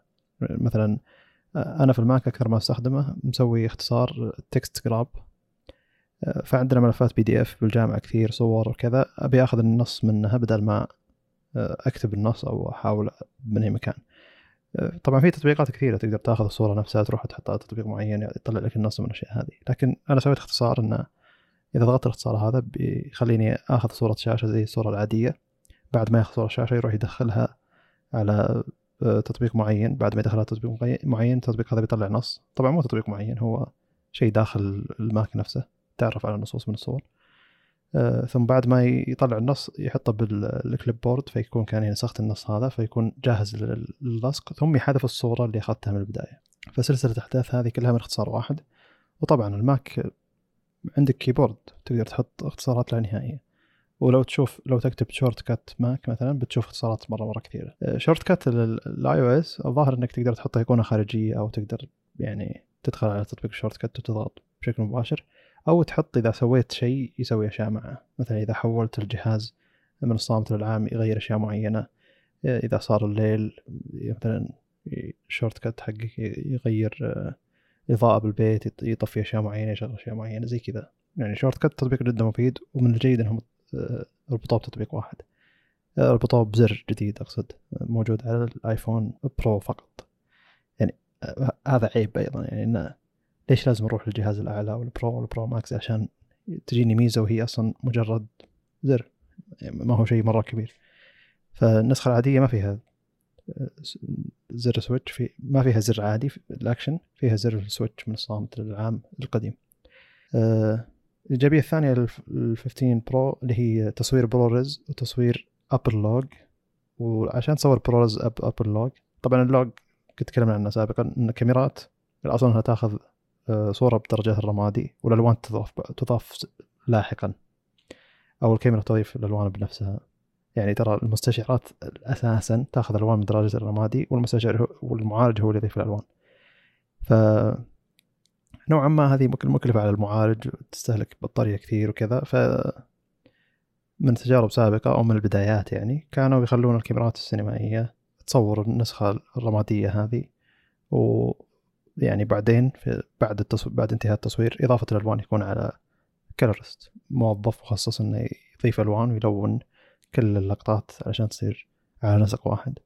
فالحين أبل أضافت Apple Log لكن لازم إنك تضيف SSD وتضيف سلك من ال USB C إلى USB C لل SSD هذا وعلشان تقدر تسجل Apple Log ProRes أبل مؤتمرها الأخير حق ال- ال MacBooks ال M3 آه، كان مصور كاملا بال- بالآيفون آه، منفذ ال USB C Thunderbolt كان ف يعني مفيد لهم بأشياء كثيره إنه حطوا عليه adapter ال adapter هذا قاعد ينقل الصور إلى شاشات مخصصة قاعد يأخذون الصور إلى SSD بشكل مباشر فزي اللي آه، اشتغل معهم بشكل ممتاز. بس هذا يعتبر تحدي يعني آه، الناس اللي عندهم الميزانيات الكبيرة هذه يقدرون يأخذون كاميرات تناسب الميزانيات الكبيرة هذه. وإذا دققت بشكل كبير كبير جدا. طبعا الاضاءات بمئات الآلاف المايكات اللي مضيفينها بمئات الآلاف. فما راح تلاحظ إنه والله مصوره بآيفون. إلا إذا ركزت على أشياء صغيرة مثلا دبث دبث فيلد ولا ركزت على الحده بأماكن معينة ولا الإضاءات وانعكاسها. مع إن أتوقع إنهم حريصين مرة إنه ما يكون في إضاءة على العدسة موجهة للعدسة مباشرة. لكن من الجيد إنك تروح تشوف وش الآيفون ممكن يقدر يسوي إذا أضيف له كل هذه الأشياء. شيء يعتبر جيد وتحد واستعراض قوي جدا. آه لكن آه علشان تعرف إن اللي يصنع الصورة مو الكاميرا نفسها اللي يصنع الصورة هو كل شيء حول الكاميرا إلا الكاميرا والكاميرا هي آخر شيء مجرد أداة. وكل السينمائيين اللي يستخدمون كاميرات آه يستخدمون يستخدمونها عشان راحتهم يعني. تلقى شابكين فيها بطارية مرة كبيرة علشان يقعدون وقت طويل في التصوير يشبكون عليها مراوح علشان التبريد ما التبريد يشبكون عليها SSD سريع علشان ما يحتاج ينقل ملفات من مكان إلى مكان. يعني العادة مثلا يكون SD card الناس الغير سينمائيين فيروح ياخذ ال SD card هذه يركبها على اللابتوب ثم ينقل إلى اللابتوب وينقل إلى كمبيوتر معين. لكن من ال SD من ال SSD الأغلبية يعني من ال SSD مباشرة يع- يعدلون الفيديو نفسه. فزي اللي جيد إن الآيفون سوى شيء هذا. آه، لكنه زي اللي استعراض أكثر ما أنه ممكن شيء ممكن واقعيا يستخدم. لأن أصحاب الميزانيات الكبيرة اللي عندهم صناعة للصوره للدرجة هذه بيستخدمون شيء مناسب للدرجة هذه. ما راح يستخدمون iPhone إلا إذا كان شيء Apple تبي تسويه كدعاية إنه أوه ترى هذا مصور ب iPhone. أو ممكن Apple TV مستقبلا يكون فيه منه إنتاجات كبيرة. أوه مصورة ب iPhone. آه، زي ما صوروا الإنتاج حقهم ب iPhone. آه طيب. العيوب للنسخة ال five النسخه ال 15 العاديه إنه إلى الحين 60 هرتز. وجهاز فوق ال 1000 1000 دولار 60 هرتز صراحة شيء مضحك إلى الدرجة إلى وش وش اللي ب 1000 دولار؟ iPhone 15 العادي. 1000 دولار. أظن يعني 900 دولار شلون؟ 1000 دولار. عجيب. العادي. إي ما نعم. أتوقع. من جدك؟ مستحيل يعني. وين؟ يلا شوف. 900 ما دولار. من طلع س- 799 ل 128 حلو 800 دولار. هذا اللي شفته. هذا من Apple yes جميل. آه لا ما خلاص جهاز ب 800 دولار ب 60 هرتز صح. صعبة. والسعه تبدأ من 128 أيضا صعبة. والمنفذ ال USB C اللي حاطينه كل الكلام عنه زي الأجهزة الصينية. بطيء جدا. إي بس الجهاز الصيني قاعد يبيع لك. إياه ب 500 دولار فرق ترى. كيف- 600 دولار 400 بعضهم، 700 500 دولار. 800 دولار ولا يزالون. 1000 دولار 1200 دولار تلقى Type C 2.0 ممكن. ما أدري. شاومي تقدر تلومهم وقد لمنا لمنا شركة شاومي سابقا وعادي نقدر نلوم Apple بس Apple العادة معاييرها أكبر. يعني شاومي ما تشر ممكن ما تشرح عليها عشانها صينيه لكن Apple المفروض تشرح عليها لانها شركة هي الشركة الكبيرة اللي لها Apple طول عمرها. Lightning زين منها يا رجال. حلو. بس ترى ال USB C مرة مرة مرة بطيء. يعني اللي على 15 مم. صحيح. فليه ليش 128 بداية وليش USB C بطيء؟ ليش صحيح. 100 ليش 60 هرتز؟ فأقصد يعني iPhone 15 15 Plus. كل flagship Android تفوق عليها من هالنواحي. كل ال flagships Android تفوق عليها من هالنواحي بنفس السعر. ف غريب. يعني كان ودي إن خلاص أنتم وصلتوا إنكم تحطون ال Dynamic Island وصلتوا إنكم تحطون معالج مرة خرافي اللي هو حق ال 14 Pro الماضي. يعني يعني ترى 120 هرتز ما راح تكلف شيء للمعالج يعني. فالمفروض إنه يكون غير غير قابل للاستخدام. كم الحين؟ ثلاث أربع سنوات موجود ال 120 هرتز على نسخة ال Pro ما هو موجود على العادي ف يعني هو غالبا محاولة آه، يعني وصل فيهم المطاف إلى أنهم يخلون المعالج الجديد على نسخ ال Pro بس. فهم عندهم عندهم مشاكل distinction كبيرة للأمانة. وهذا للأسف إذا أنت حاولت بس تفرق أنت بتظلم ال- تظلم ال lineup كله. حلو. أه بس هذه هذا اللي كان على iPhone 15 جميل. أه، طبعا عجبني عن الزجاج تصوير الخلفي. الفيديو. حلو. صح. عجبني الزجاج الخلفي شوي حطوه من من منثني من الأطراف بشكل بسيط. أتوقع إنه يكسر بشكل أسرع لكن مسكته مرة مريحة. وفي عندنا iPhone 15 Pro Max بالبيت. جربت المسكة حقته وكان أه، يفرق بشكل كبير عن النسخة اللي قبله أه، المسكة جدا مريحة. طيب آه، بتكلم بس عن نقطة الفيديو. آه، أنا طبعا ضدها الكل يعرف أفترض.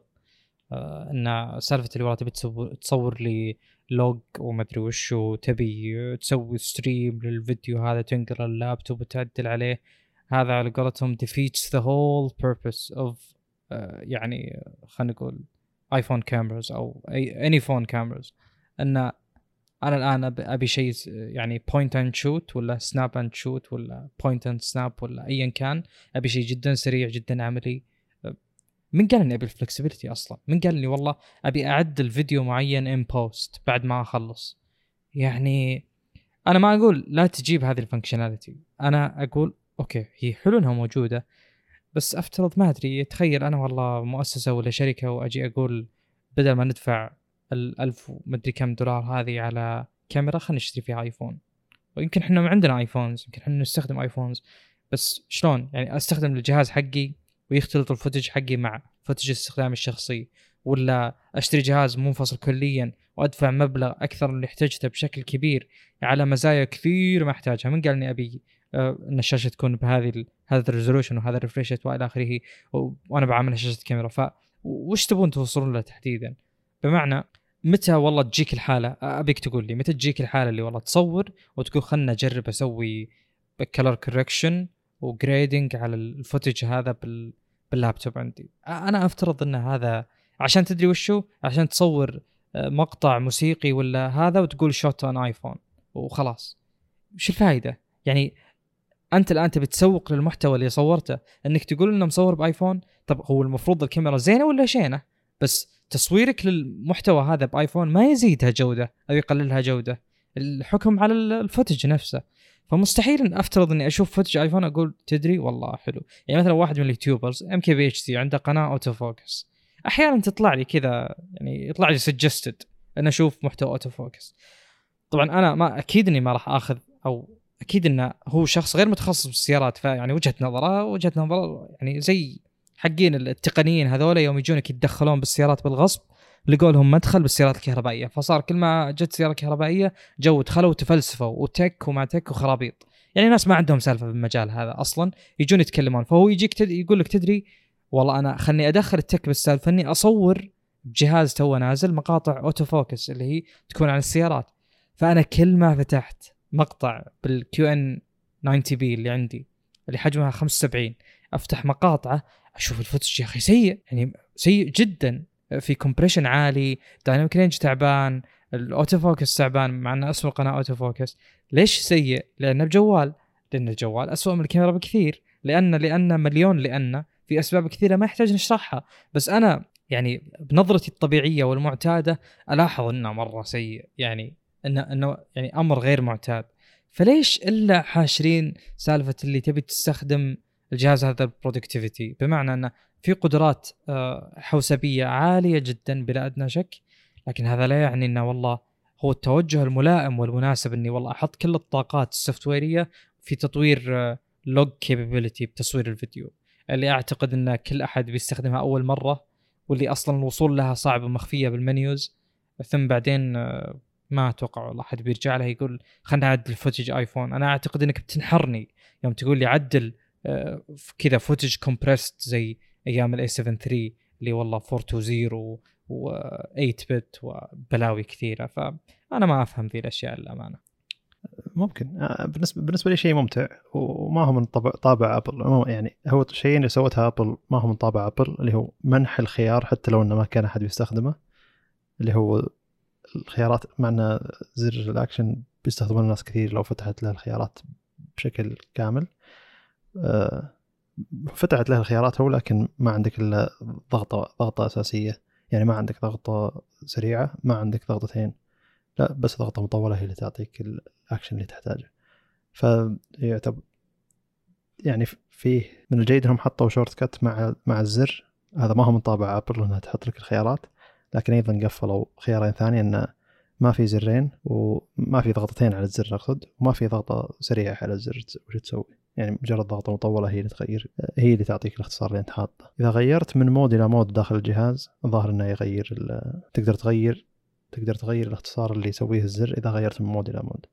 لكن أنت شلون تحفظ أنت ال mode اللي عليه أنت أساسا ثم عشان تحفظ وش الزر بيسوي. في جت تطبيقات تحفظ إذا كان الجهاز بوضع طولي إذا كان الجهاز بوضع عرضي يتغير وش هو اداء الزر. فزي اللي غريب يعني. لو بس فتحت إنك ضغطتين أو ضغطة واحدة سريعة. كل واحدة لها خيار وضغطة مطولة لها خيار. عندك ثلاث أشياء تقدر تسويها بزر واحد. لكن الغريب إنهم حطوا shortcut هذا أرجع أشوف إنه ما هو من طابع ابل إنها تفتح لك آه، خيارات لا محدودة. من خلال تطبيق shortcut مع الزر. شيء ثاني إنها فتحت ابل log مع ProRes وتقدر تستخدم ال SSD هي تشوف إنه oh ما حد بيستخدم هذا الشيء لا لا ما راح نحطه. دائما هذا تفكير ابل لكن هذا الشيء اللي سوته الحين هو شيء معادي لطابع ابل بشكل عام. فعجبتني حتى لو إنه ما في أحد يستخدمها أو صعبة الاستخدام مو مشكلة. أه، بالنسبة لي من الجيد إن في شركة تسوي الشيء هذا أه، وتعطيك الخيار حتى لو إنه أو ما حد راح يستخدمه ولا منو يمكن يحتاج. أه، ننتقل الموضوع اللي بعده. نعم. طيب. أصلا انه مؤتمر مايكروسوفت لكن أنا بحطه يعني بحطه موضوع عام اللي هو ويندوز ويمكن في ثلاث أربع مواضيع فرعية داخل ويندوز. خاصة يعني ويندوز السنة ذي والسنة الجاية بيمر على تغييرات ما قد مر عليها ويندوز أعتقد يعني شخصيا. الشيء الأول إن مايكروسوفت سيرفس قبل 7 برو دعم لها بس أربع سنوات لكن الحين بيكون الدعم ست سنوات اللي هو سيرفس 7 برو اللي بعده سيرفس برو 7 أقصد. والاجهزه اللي نزلت بعده من السيرفس بتكون دعمها ست سنوات. يعني معليش يعني مايكروسوفت بس تراه لابتوب يعني. اللابتوب المفروض إنه ما يكون له عمر تحديث. يعني في لابتوب عندي ظهر عام 2007 توني مركب عليه ويندوز 10 واشتغل ولا في أي مشاكل. شلون توقف التحديثات الجهاز؟ هو جهازك أنت يا مايكروسوفت اللي عندك نظام ويندوز يوقف تحديثه بعد أربع سنوات. يعني إذا عندك سيرفس برو 6 ظهر السنة الجاية آخر سنة تحديث له أو السنة ذي آخر سنة تحديث له السنة الجاية. إذا هو نازل ب 2018 ما راح يكون له تحديثات السنة الجاية. في ليش؟ شلون؟ كمبيوتر هو كمبيوتر ما توقف تحديثاته المفروض.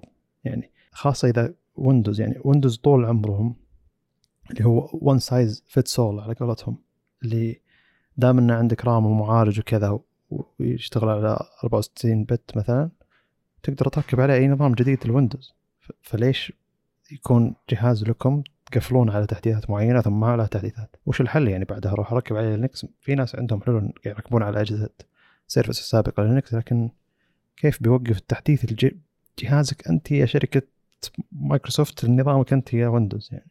إذا Chromebook عشر سنين يندعم إيش صاير؟ و Chromebook أرخص بكثير من إنه يندعم عشر سنين يعني أغلب أجهزة Chromebook فهذا شيء جدا غريب. والتحديث الناس مستانسين عليه ست سنوات ست سنوات شوي على لابتوب مرة شوي على لابتوب. يعني بعد ست سنين جهاز غير قابل للتحديث وش الجهاز ذا؟ وش, وش اللابتوب ذا؟ كل laptopات البيت اللي عمرها أكثر من عشر سنوات أقدر أحط عليها ويندوز 10 الحين ويندوز 11 أقدر أحط عليها الحين. طبعا ويندوز 11 حطوا فيه ميزة امن غريبة لكن تقدر تحدثها يعني.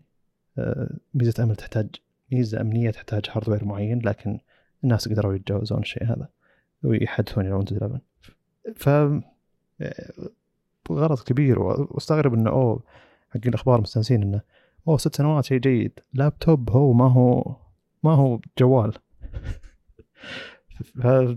صدمة. يعني أنا ما كنت أتوقع انه أصلا له عمر تحديثات ويوقف التحديثات بعدين. شاري جهاز ويندوز هذا يشمل إيش بالضبط؟ إحنا الآن نتكلم عن التحديث طيب أنا شريت لابتوب الآن. هل بعد ست سنوات يروح التحديث بمعنى أشتري ويندوز من جديد ويركب ولا هو ما يدعم hardware عمره؟ تحديثات أمنية خلاص. ما راح تجيك تحديثات إذا شريت جهاز في ويندوز طيب ثبت ثبت ما أدري. آه ويندوز على جهاز قديم. شو يصير؟ صلاحية التحديث ولا الجهاز؟ ما أدري. أو صلاحية النظام غريب صراحة جدا. يعني أنا قاعد أقرأ الخبر أقول هو لابتوب يعني المفروض إني أشبك عليه أي USB drive عليه أي نظام ويندوز جديد واركبه عليه يعني وش المشكلة؟ التحديثات ما تخلص ما توقف. إيه أنا قلت يمكن هم ما يبون يدعمون ال hardware القديم وهذا شيء مشكل وكبير جدا صراحة. هذه إشكالية ضخمة. لا وإذا كان شيء ثاني إن التحديثات أمنية بتوقف عليك بعد هذا شيء أكبر وأكبر. يعني إذا ويندوز 7 على بعض اللابتوبات الظاهر ما وقف إلا قبل ثلاث سنين تحديثات أمنية يعني. ف إيش صاير؟ اللي مستغرب من الخبر إنه أوه هذا شيء جيد ست سنوات. لا ما هو شيء جيد ابدا ست سنوات. وإذا كان طبعا أعتقد إنه يعني أغلب المستخدمين بعد ما ما تمر ست سنوات ويبدأ يلاحظ إنه أوه ويندوز ما قاعد يجيه تحديثات. ويندوز بيشتغل معك سنتين بدون تحديثات قدام. لكن مهم شوية تحديثات أمنية ومهم إذا نزل نسخة جديدة تقدر تطوره بكيفك أنت. جهاز جهازك. المفروض إنه يعني بما أن ويندوز قلتها هذا يعني مجرد إن عندك هذا ال hardware تقدر تشغل ويندوز على أي PC بالعالم على أي لابتوب بالعالم المفروض إنه ما في محدودية لأجهزة Surface هل هو ما ما أدري أنا مصدوم بالخبر قاعد أقول إن ودي أروح أشوف حقي إنه Surface Pro 6 يعني أشوف إنه يلا وش صار عليكم آه، وقف التحديثات الحين هل في حل؟ هل تقدر تحدث ويندوز 12 إذا جاء؟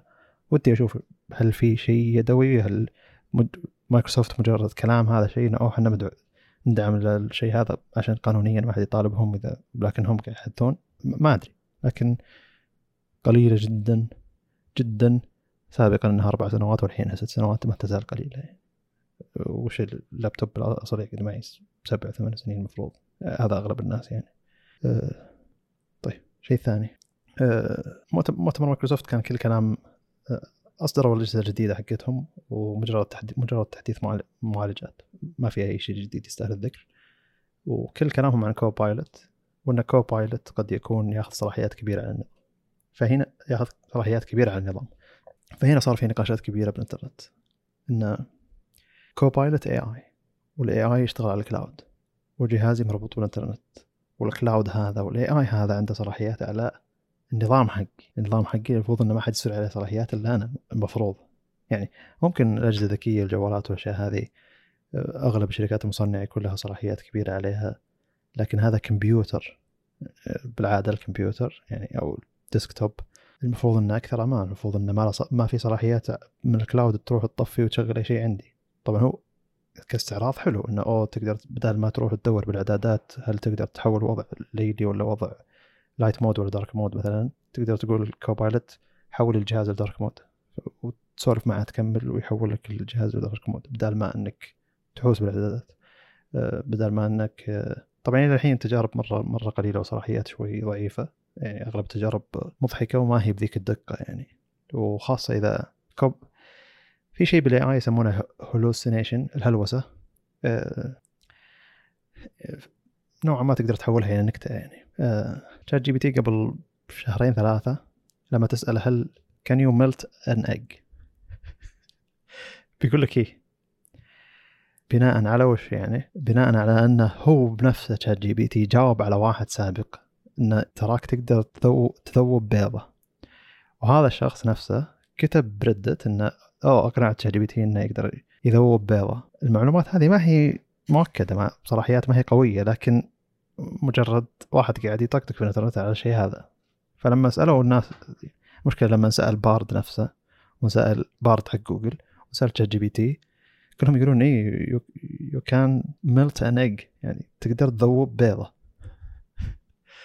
آه، مشكلة ال hallucination بال AI هو لما ال AI نفسه مطلع معلومة سابقة من هلوسته هو السابق أصلا؟ ويعتبرها معلومة حقيقية بناء على وشو إنها موجودة بالإنترنت. melting an egg مثلا يعني إذابة بيضة موجودة بالإنترنت بشكل كثير الكلمة هذه مرتبط بهذه بشكل كبير.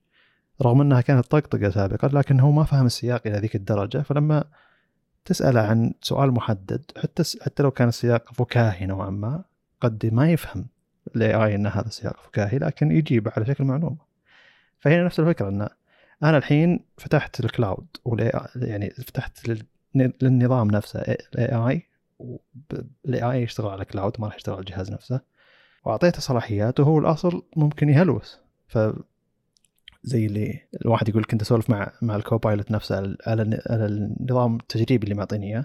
كنت أقول له حول الجهاز إلى dark mode فبعد فترة قال لي ها إيش رأيك احول جهاز dark mode هو أصلا dark mode فزي اللي ليش؟ عشان سألتك سابقا ان احولها ولا فما بالك لو تعطيه أشياء أكثر حساسية لو تعطيه مهمات أكثر تعقيد؟ هل بيسألك مرة ثانية هل بيسوي الشيء ذا؟ من حاله.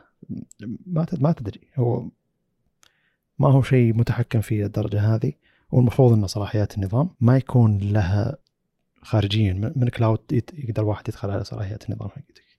إذا كان مثلا ال neural processing engine الموجود عندك أو ال processor اللي موجود داخل الجهاز خاصة الحين مع معمارية ARM بدا يصير NPU موجود داخل موجود داخل الأجهزة. إذا كان ال AI هذا يشتغل على ال NPU اللي عندك ما يشتغل على ال cloud ما في مشكلة.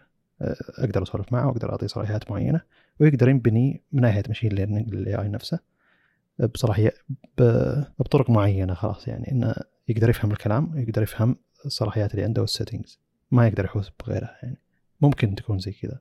يعني في مجال إنه يكون ال integration حقه أفضل من اللي طالع الحين لكن الحين طالع ان أنت أول شيء لازم تدفع اشتراك شهري عشان المزايا هذه تشتغل وعلشان نشغل لك Windows بالمزايا هذه Windows 12 يعني.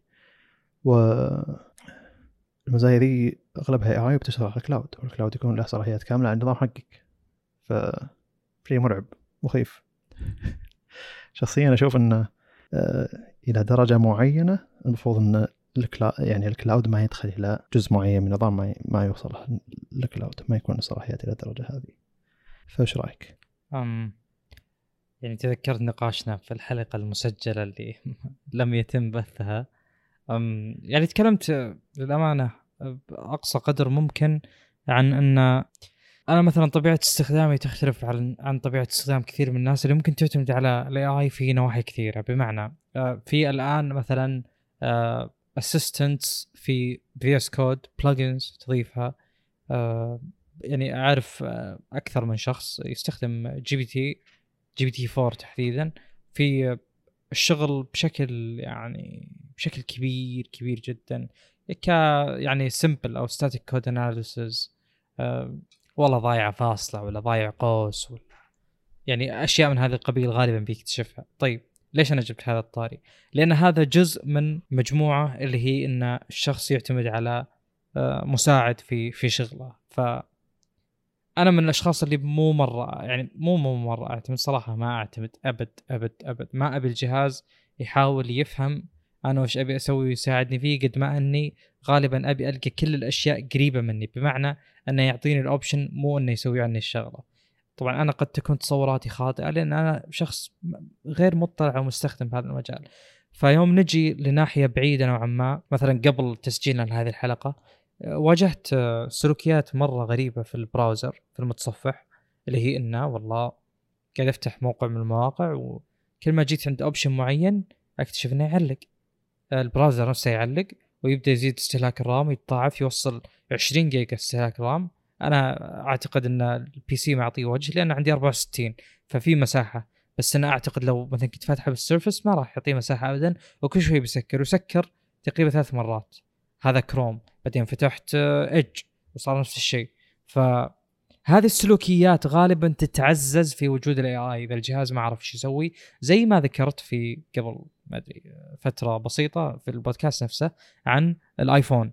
ال iPhone أحيانا سلوكياته غير معتادة. يعني كلام الناس إنه في عشوائية نوعا ما في خلينا نقول scenarios معينة. فهذه بتصدر أكثر مع وجود ال AI طب هذا جانب يخلي فيه يعني التناسق يخليه محدود نوعا ما. فأنا صراحة ما شخصيا ما أحب أتعامل مع هذه المتغيرات. طيب كيف لو أدخل ال AI كله في استخدامي المتكرر جدا جدا بالجهاز؟ يعني مثل ما ذكرت أنت في تعتقد إن في حدود معينة المفروض ال AI ما يوصل لها. بمعنى أفرض أن عندي مثلا ناحية من نواحي الجهاز والله اعملها كتخزين والتخزين طويل الأمد. يعني ايا كان المحتوى اللي أسوي له تحميل إيش دخل ال AI إنه يدخل بهذا المجال أو يكون عنده وصول لهذا الشيء؟ فيعني وش مطامع الشركات؟ وش رغباتها في وصول ال AIs إنها تكون يعني جدا قريبة منك؟ أنا ما أقدر أحط يدي على شيء بالتحديد خصوصا إذا كان آه، جزء كبير من محتوى فيديو ولا صور وش بيستفيد يعني هو لو, لو هو شافها؟ بيجي يسوي لها analysis كلها. والمشكلة مين اللي مين اللي يعني خلينا نقول ال computing وين بيصير؟ حسب اللي افهم من كلامك إنه بيكون عندك local آه، قد يكون في جزء منه برا آه، قد يرسل analytics برا بس آه، بالأخير أنا اللي بدفع ضريبة جزء كبير منه. مقصدي بالأخير يعني إنه في بعض النواحي اللي والله تقدر تقول إنه دخول ال AI فيها ما له ذيك الفائده بمعنى ال AI غالبا أفضل آه، خلينا نقول أفضل سيناريو له في الوقت الحالي إنك تعطيه detailed instructions كذا تفاصيل محددة أشياء معينة يسويها يسويها بالتحديد. بمعنى إنك توصل له بطريقة أو بأخرى إنه والله هذا ال object بالصورة مو عاجبني. طبعا هو أحيانا يقترح. إذا فتحت مثلا جوجل فوتوز إذا شاف الصورة المفروض إنها بورتريت وهي مثلا landscape يقترح لك. بمعنى إنه هو اطلع على الصورة وعرف اللي فيها. أحيانا يقول لك والله هذا ال object المفروض ما يصير موجود. أحيانا الصورة فيها glare يقول هذا الشيء المفروض ما يكون موجود. ف ما أدري إذا إذا هذه الأشياء أنا أفضل إنه هو يقترحها لي. okay هو ذكاء ما قلنا لا. بس ال integrity والنزاهة فيها محدودية كبيرة جدا. أشوف إنه شيء نوعا ما مؤرق إنه يكون مبني جزء من النظام. مثل ما قلت إنه غالبا أنت تفتح الجهاز عارف إيش تسوي يعني قد إيش هو بيفيدك. آه، يحول dark mode أنا ما أعتقد إن هذا الشيء يتطلب ذكاء شاسع ولا في التنقل بين النوافذ آه، لا تتفلسف يعني. شوف ابل إلى الآن ما نجحت في هذه الناحية. ويندوز ماشيه زي الفل وفي أفضل طريقة.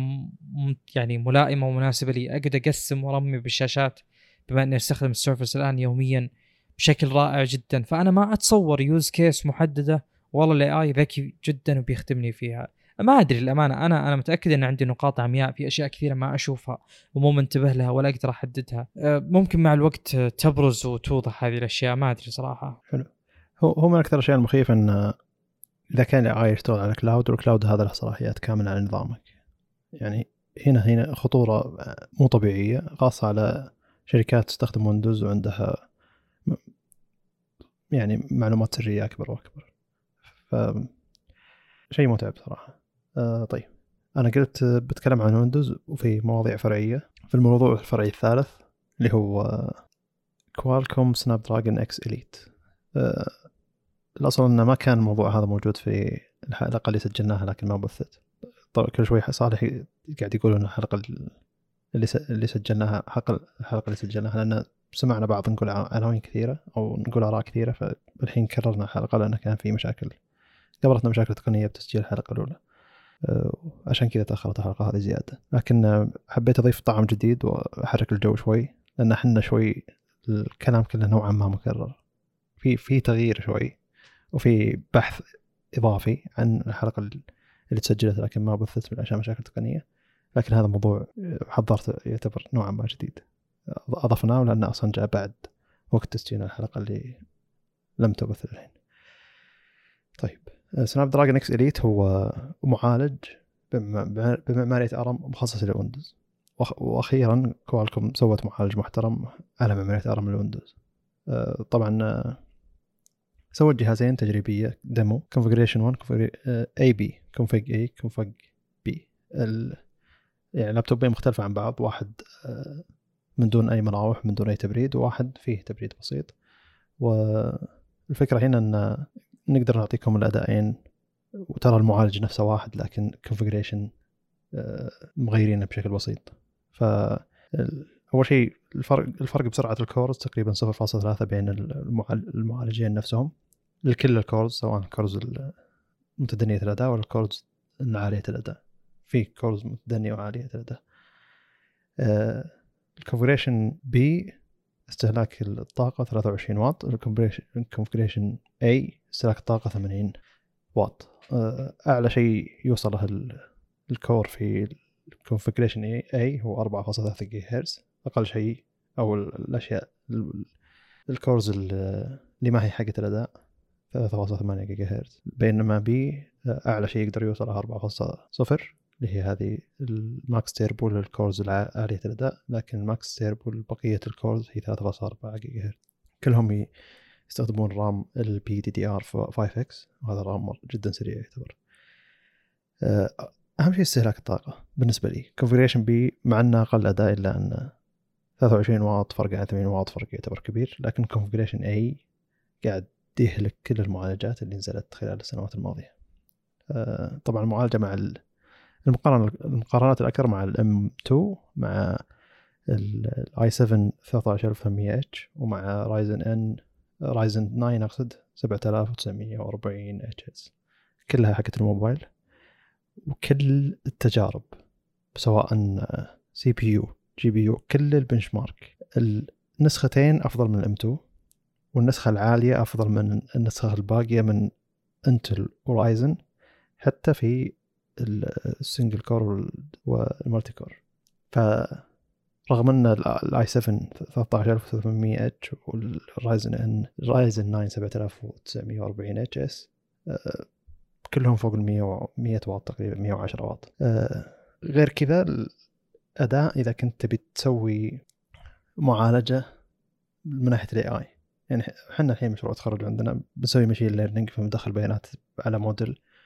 وعلشان ندرب الموديل هذا وعشان نشغل الكود أصلا نحتاج كرت شاشة عالي.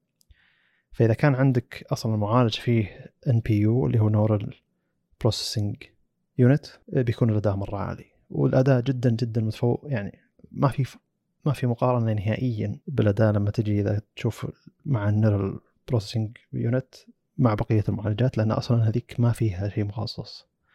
يعني إلى عشر أضعاف من الأداء إذا جيت تكمل تحاول تحاول تشغل أشياء لها علاقة بال AI مع إنها أشياء على معالجات موبل ما هي معالجات مستقرة ما هي معالجات ثابتة يعني. آه، ما هي معالجات desktop أو آه، ما تستخدم كروت شاشة كبيرة جدا. وغالب ال AI يشتغل يحتاج كروت شاشة قوية جدا. فانا متحمس للتجربة بشكل أكبر إن نشوفها على لابتوبات واقعية هذا الشيء الأول. وشيء ثاني إن أبي أشوف الجهاز هذا اللي ب 23 واط يعني ال configuration بي كم ممكن تقدر تستمر بطاريته بشكل آه، بشكل ممتاز على بشكل واقعي على ويندوز آه،. هذا أفضل معالج الحين موجود. إذا إذا كان بينزل على أي لابتوب بيكون ال ARM. لكن الحين المهمة على ويندوز من ناحية software أكبر وأكبر. من ناحية.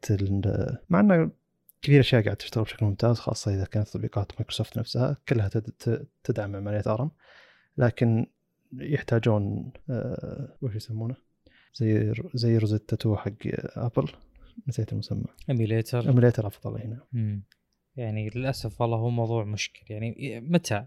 يعني okay ويندوز عالم كبير لابد من محاولات. ولو يعني خلينا نقول من يعني أنت دائما تبي LG بكل مجال. LG في سوق الهواتف هي اللي تطلع لك أشياء ولا حتى proof of concept ولا حتى proof of value شيء كذا مرة niche يعني اللي عدد محدود جدا من المستخدمين. طيب ليش ما يتم هذا في سوق ويندوز بمحاولات أكثر جدية شوي يعني.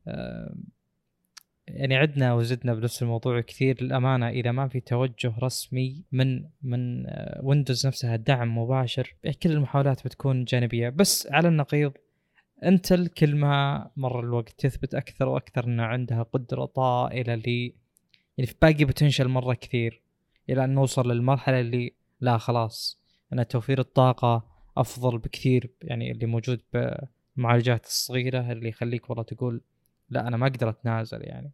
أنا أعتقد إن انتل واضح إنها واضح إنها عندها خطط كثيرة يعني. واضح إن اللي باقي أكثر من اللي مضى. فما ندري للأمانة. حلو حلو محاولات الأجهزة الرائدة. يعني ولو إن ميزات كوالكوم تحديدا بما إنها شركة modems بشكل أكبر ميزاتها مرة تختفي في وجود أو أو تقل جدواها. أنت تحتاج خلينا نقول يعني بشكل عام الميزات الثانوية في الأجهزة المحمولة تحتاجها أكبر وأكثر بكثير من الأجهزة خلينا نقول خلينا نقول المكتبية. لو كان جهازك PC فموضوع ال GPS وش يفيدك فيه؟ مثلا مثلا مثال فقط. موضوع التقاط الشبكة ما راح يفيدك أبد. فهذه الأمور كلها تتضاءل يعني في بعض السيناريوهات. فكوالكم ما هو ما هو أفضل شيء لها بس أعتقد إنه بطريقة أو بأخرى تحصل على شيء تتميز فيه خصوصا السوق اذا انتعش الريادة غالبا بتكون للأقدم. هو يعني النقله ال ARM ليش إحنا نحتاجها بشكل أكبر؟ عشان توفير الطاقة عشان البطارية بشكل أكبر من أي شيء ثاني وما نحتاج ذاك التبريد الكبير. يعني لدرجة انه يعني الحين مؤتمر أبل الأخير هذا حق M3 ما سووا شيء بس نزلوا نسخة سوداء وقالوا إنه أوه حطينا عليه M3 وترى كل الفرق عن M يعني كل المقارنات مع M1 ما هو مع M2 وكل الفرق 30% 25% مع M1 ف زي اللي واضح إن ال M1 كان النقلة النوعية والحين رجعنا للزيادة ال 15% اللي نشوفها كل سنة اللي هي قبل قبل 2020 لا وأنت نفس الفكرة تقول أوه سوينا المفهوم هذا وحطينا بنسوي كذا وبنسوي كذا لكن ما قاعد أشوف على ارض الواقع ذاك الفرق الكبير. يعني Ryzen مع أنها ما استعرضت إن أنا الأقوى من ناحية توفير الطاقة إلا أن 7800 الأخير حقهم توفير الطاقة فيه ممتازة جدا. على لابتوبات كثيرة يعني. 7940 740 نسيت. 7840 أو شيء زي كذا. إيه، حتى لو تشوف مراجعات اللابتوبات اللي بالمعالج هذا هم يقولون إن هذا المنافس الواقعي للإم 2 ولا غيرهم. بس عموما انه يعني الحين إحنا على عمليه إكس 86 قاعد نتقدم 1500 1500 لكن ما جت النقلة النوعية من ناحية صرف الطاقة مع مع الأداء اللي هي صارت الابل يعني ابل يعني خلاص اللي معه M1 ولا أي نسخة من M1 التحديث إلى نسختين قدام ما هو مهم لأن الفرق أقل من 30% أصلا. فإحنا ودنا يصير الشيء هذا الويندوز لأنه خلاص بتصير نقلة نوعية والناس بترجع الناس اللي راحوا لأبل علشان والله بس الأداء وتوفير توفير الطاقة. بيرجعون لويندوز لأنه ويندوز نوعا ما نظام أحسن لأغلبية الناس. لي شخصيا ما نقول أغلبية الناس. آه، لكن يعني فقط ويندوز النسبة كبيرة من المستخدمين أتوقع ودي إنه يحركهم أكثر وأكثر يعني خاصة بعالم اللابتوبات أكثر آه، غير إنه في في حرب على إنه من, من بياخذ المجال من بياخذ المكان هذا بشكل أكبر. ميدياتك ودها تدخل وكوالكم ودها تدخل. يعني مو بس مو بس كوالكم فإذا كان في منافسة بالدخول على شيء ممكن ويندوز يشتغل عليه بيكون شيء أفضل أفضل. هو بس خل تنجح نسخة واحدة. بعدها بتجيك يعني تنفلت السبعه على قولتهم يجيك إصدارات الدنيا ودام إنه يشتغل خلاص. الشركات كلها بتطلب من كوالكم المعالج اللي تحتاجه. آه ممتاز. ننتقل إلى بيكسل 8 بيكسل 8 برو. تمام. يعني كعادة بيكسل للأمانة هذا الإطلاق آه، يعني يوم تشوفه مشابه جدا لإطلاق خلينا نقول الجيل الماضي اللي كان جدا يعني أوكي إطلاق الجيل الأول متغير جدا وكلنا علقنا تصميم الجهاز واللي أعتقد إلى الآن ما أدري إذا كلنا نتفق انه أول إطلاق في الهوية الجديدة بالتنسر G1 هو الأفضل. آه، كان جدا جميل التصميم. آه، الألوان المطفية حلوة. الفايزر لونه أسود جميل. أذكر إني مسكت الجهاز واستخدمته. الإطلاق اللي بعده يحمس لأن الجيل الثاني فالمفروض إنه كل مشاكل المعالج واستقراره وإلى آخره انحلت. ف آه، يعني كان يستحق بمعنى إنه عنده مع hype حتى لو هو ما فيه تطور. بس الإطلاق الثالث لا خلاص عاد لازم عندك ميزة موجودة بالجيل نفسه تخلي الناس تلتفت لأن الناس ما عاد تفرق. طيب المميز يعني عشان أختصر بس في هذا الجيل انه الشركة للأمانة استوعبت أو ما أدري والله بقصد ولا بدون قصد ما أدري إذا كلامي هذا يعني معنى كبير لكن أنا بالنسبة لي كمستخدم ك كعميل أنظر مثل ما ينظر أي عميل لهذا الجهاز أبى أقول إن الشركة استوعبت و قالت تدري بما أن الفئة الأدنى دائما الناس تقول إنها value for money كويسة أعطتها تقريبا كل الميزات أو خلينا نقول أبرز الميزات اللي تحتاجها بمعنى إنه نوعا ما صار في تكبير لل للبطارية. النسبة بسيطة جدا بس الأمور الأهم أمرين. المستشعر الأساسي في الكاميرا الأساسية ال wide نفس الموجود في البرو بالضبط بالإضافة إلى أن الشاشة 120 هرتز. أعتقد إن هذولا أهم الصفات اللي تخلي الفرق بين ال- البرو والعادي مجرد فرق حجم. الأصل أن جميع الأمور الأخرى ثابتة وإذا الفرق بينهم سعريا 300 دولار هنا تزيد الجدوى بمعنى أن في هذه الحالة تقريبا 30% فرق السعر لأن الجهاز ارتفع. كان السعر العادي 599 الآن 699 زاد 100 دولار. كذلك البرو كان آه، 899 صار 999 أم، يعني بغض النظر إذا الارتفاع مبرر ولا لا يعني أوكي زدتوا ميزات بس أنا ما أشوف الارتفاع مبرر خصوصا في ال في البرو طيب يعني إذا تقرب السعر بينهم بقول أوكي منطقي يبون يستغلون إن الناس تأخذ الفئة الأقل بتدفع أكثر. بالنسبة لل يعني تعليقاتي على الجهاز مجملا أه، الرامات أول شيء انها حلو إنها يعني 8 للعادي و12 للبرو بشكل ثابت. تنسر G3 في مشاكل نوعا ما لا, تزال انه بال benchmarks أقل بالألعاب أقل فهو أقل كفاءة لكنه يفيد المزايا اللي تجي بشكل مباشر من البكسل مثل آه، تحويل خلينا نقول الكلام إلى كتابة آه، مثل آه، إجراء المكالمات وإذا كلمت أحد وخليت ال assistant يشتغل بيستفيد من مزايا معينة في السوك ويصير يقترح لك أجوبة والأجوبة إذا ضغطت على الجواب المقترح بيطلع بصوت كأنه يعني أنت تقدر ترد على المكالمة بشكل كامل. أنت muted بس ال assistant يتكلم ب خلينا نقول بلهجه كأنها ما هي robotized كأنه فعلا كلام مسجل وقد يكون كلام مسجل قد يكون robotized من من voice samples جدا كثيرة لنفس الشخص. فهو نوعا ما يعني أنا أختلف مع الأشخاص اللي قالوا إن هذه المكالمات وكأنه شخص طبيعي يرد. بكل تأكيد ما هو شخص طبيعي ولا هو قريب من شخص طبيعي. بمعنى إذا الصوت مسجل طبيعي يوم يجيك مثلا أفرض إنه آه، سائق توصيل بيتزا زي الأمثلة الأمريكية المعتادة جاي يوصل بيتزا وجيت أنت ترد عليه على ما أنت تختار الرد يعني أنا يوم أجي أسأل شخص متى تبي أوصل لك ولا عطني location البيت ممكن الشخص يقول أمم أو شيء من هذا القبيل يحسس إنه معاي. هنا لا أنت تطلع لك خيارات تضغط واحد منها وياخذ مثلا ثانية بعدين يبدأ يتكلم. فالرد جدا متأخر والصوت قبله muted وإلى آخره. فنوعا ما اللي قدامك 100% أصلا. أنا شفت أكثر من مثال. واضح إن الشخص اللي يتواصل مع ال assistant لأن ال assistant بالبداية أول ما ترد تقول استخدم ال assistant يرد عليه يقول ترى أنا النائب عن هذا الشخص فيبدأ الشخص يتوتر ويبدأ يحس إن الكلام مفصول شوي فهو يعني أقرب للطبيعي لكن لا يزال مو طبيعي. آه، أعتقد إن هذه الميزة مع الوقت آه، ستظهر مزاياها أكثر. يعني ال G3 مثل ما ذكرت انه فيه مساوئ أكيد لكن يعني نقطة إضافية إلى استخدام خلينا نقول ال AI للمعالج بشكل جيد انه تقدر تحوس بالصور بشكل كبير جدا. آه، مثل ما ذكرت بالآيفون آه، هنا نفس الشيء وأكثر. يعني أول ما بدأ إزالة ال objects من الصورة والقص واللصق ما خاب ظني خلينا نقول بيكسل في أول جيل له في التنسر. فهنا هذه الأشياء زادت. آه، في بعض المزايا صراحة اللي ما أدري قد إيش هي ذات جدوى. تقدر تقيس حرارة أي شيء باستخدام مستشعر. لكن يعني يوم تجي داخل النظام تفتح اللي هو ظاهر ترمومتر أو البارومتر والله ناسي شو اسمه. تفتحه أوكي هو ثرمومتر الظاهر من thermals ما أدري صراحة. على كل حال تفتحه وتحط ال... تقول والله وش ال object اللي تبي تقيسه وهذا شيء سيء. يعني ليش أنا أعلمك والله؟ أبي أقيس درجة حرارة ما أدري شوكلت ولا يعني حلا ولا قهوة ولا موية ولا ليش أنا أعلمك بما أن أنت المفروض تعرف؟ المهم أنت بتقول له منظ... طبعا في يمكن تسع خيارات أو 12 خيار ولا واحد منهم آه آه إنسان أو آدمي أو مخلوق لأن ما هو FDA approved ما هو موافق عليه من هيئة الغذاء والدواء الأمريكية. طبعا أنا كل هذا الكلام ما يعنيني ولا يهمني. المفروض أن ال AI هذا أحطه على أي شيء يعطيني قياس ادائه لأنه هو أكيد أنه يحاول يتعرف عليه من نواحي جدا كثيرة. المهم أن هذه الأشياء مبنية في النظام.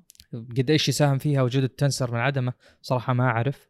لكن بالنسبة لي أعتقد هذه الأشياء أكيد أن وجودها بيفيدك في ناحية من النواحي. كوني مثلا أنا شخص أسوي قهوة وإذا جيت استخدم الكتل أو الغلاية أحطها على درجة حرارة معينة ودي مثلا أقدر أقيس الموية النازلة والله كم حرارتها كم خسرت درجة بالمرور على القمع مثلا والإسبريسو إذا نزل كم درجة حرارته. طبعا ما راح تكون دقيقة 100% بس إنه وجود هذا الشيء اعتيادا آه، وبشكل طبيعي بدون أي بينالتي بدون أي شيء أخسره آه، شيء ممتاز.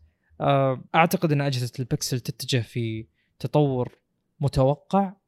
أعتقد إنها تتحسن تدريجيا. حلو إنها ما دخلت بأسعار فلكية وعلى قولتهم rightfully so إلى الآن الجهاز ما يستحق بشكل كامل لكن توقعت الفكر الأمريكي يسيطر ويصير الجهاز فعلا بسعر عالي. في نقطة إيجابية.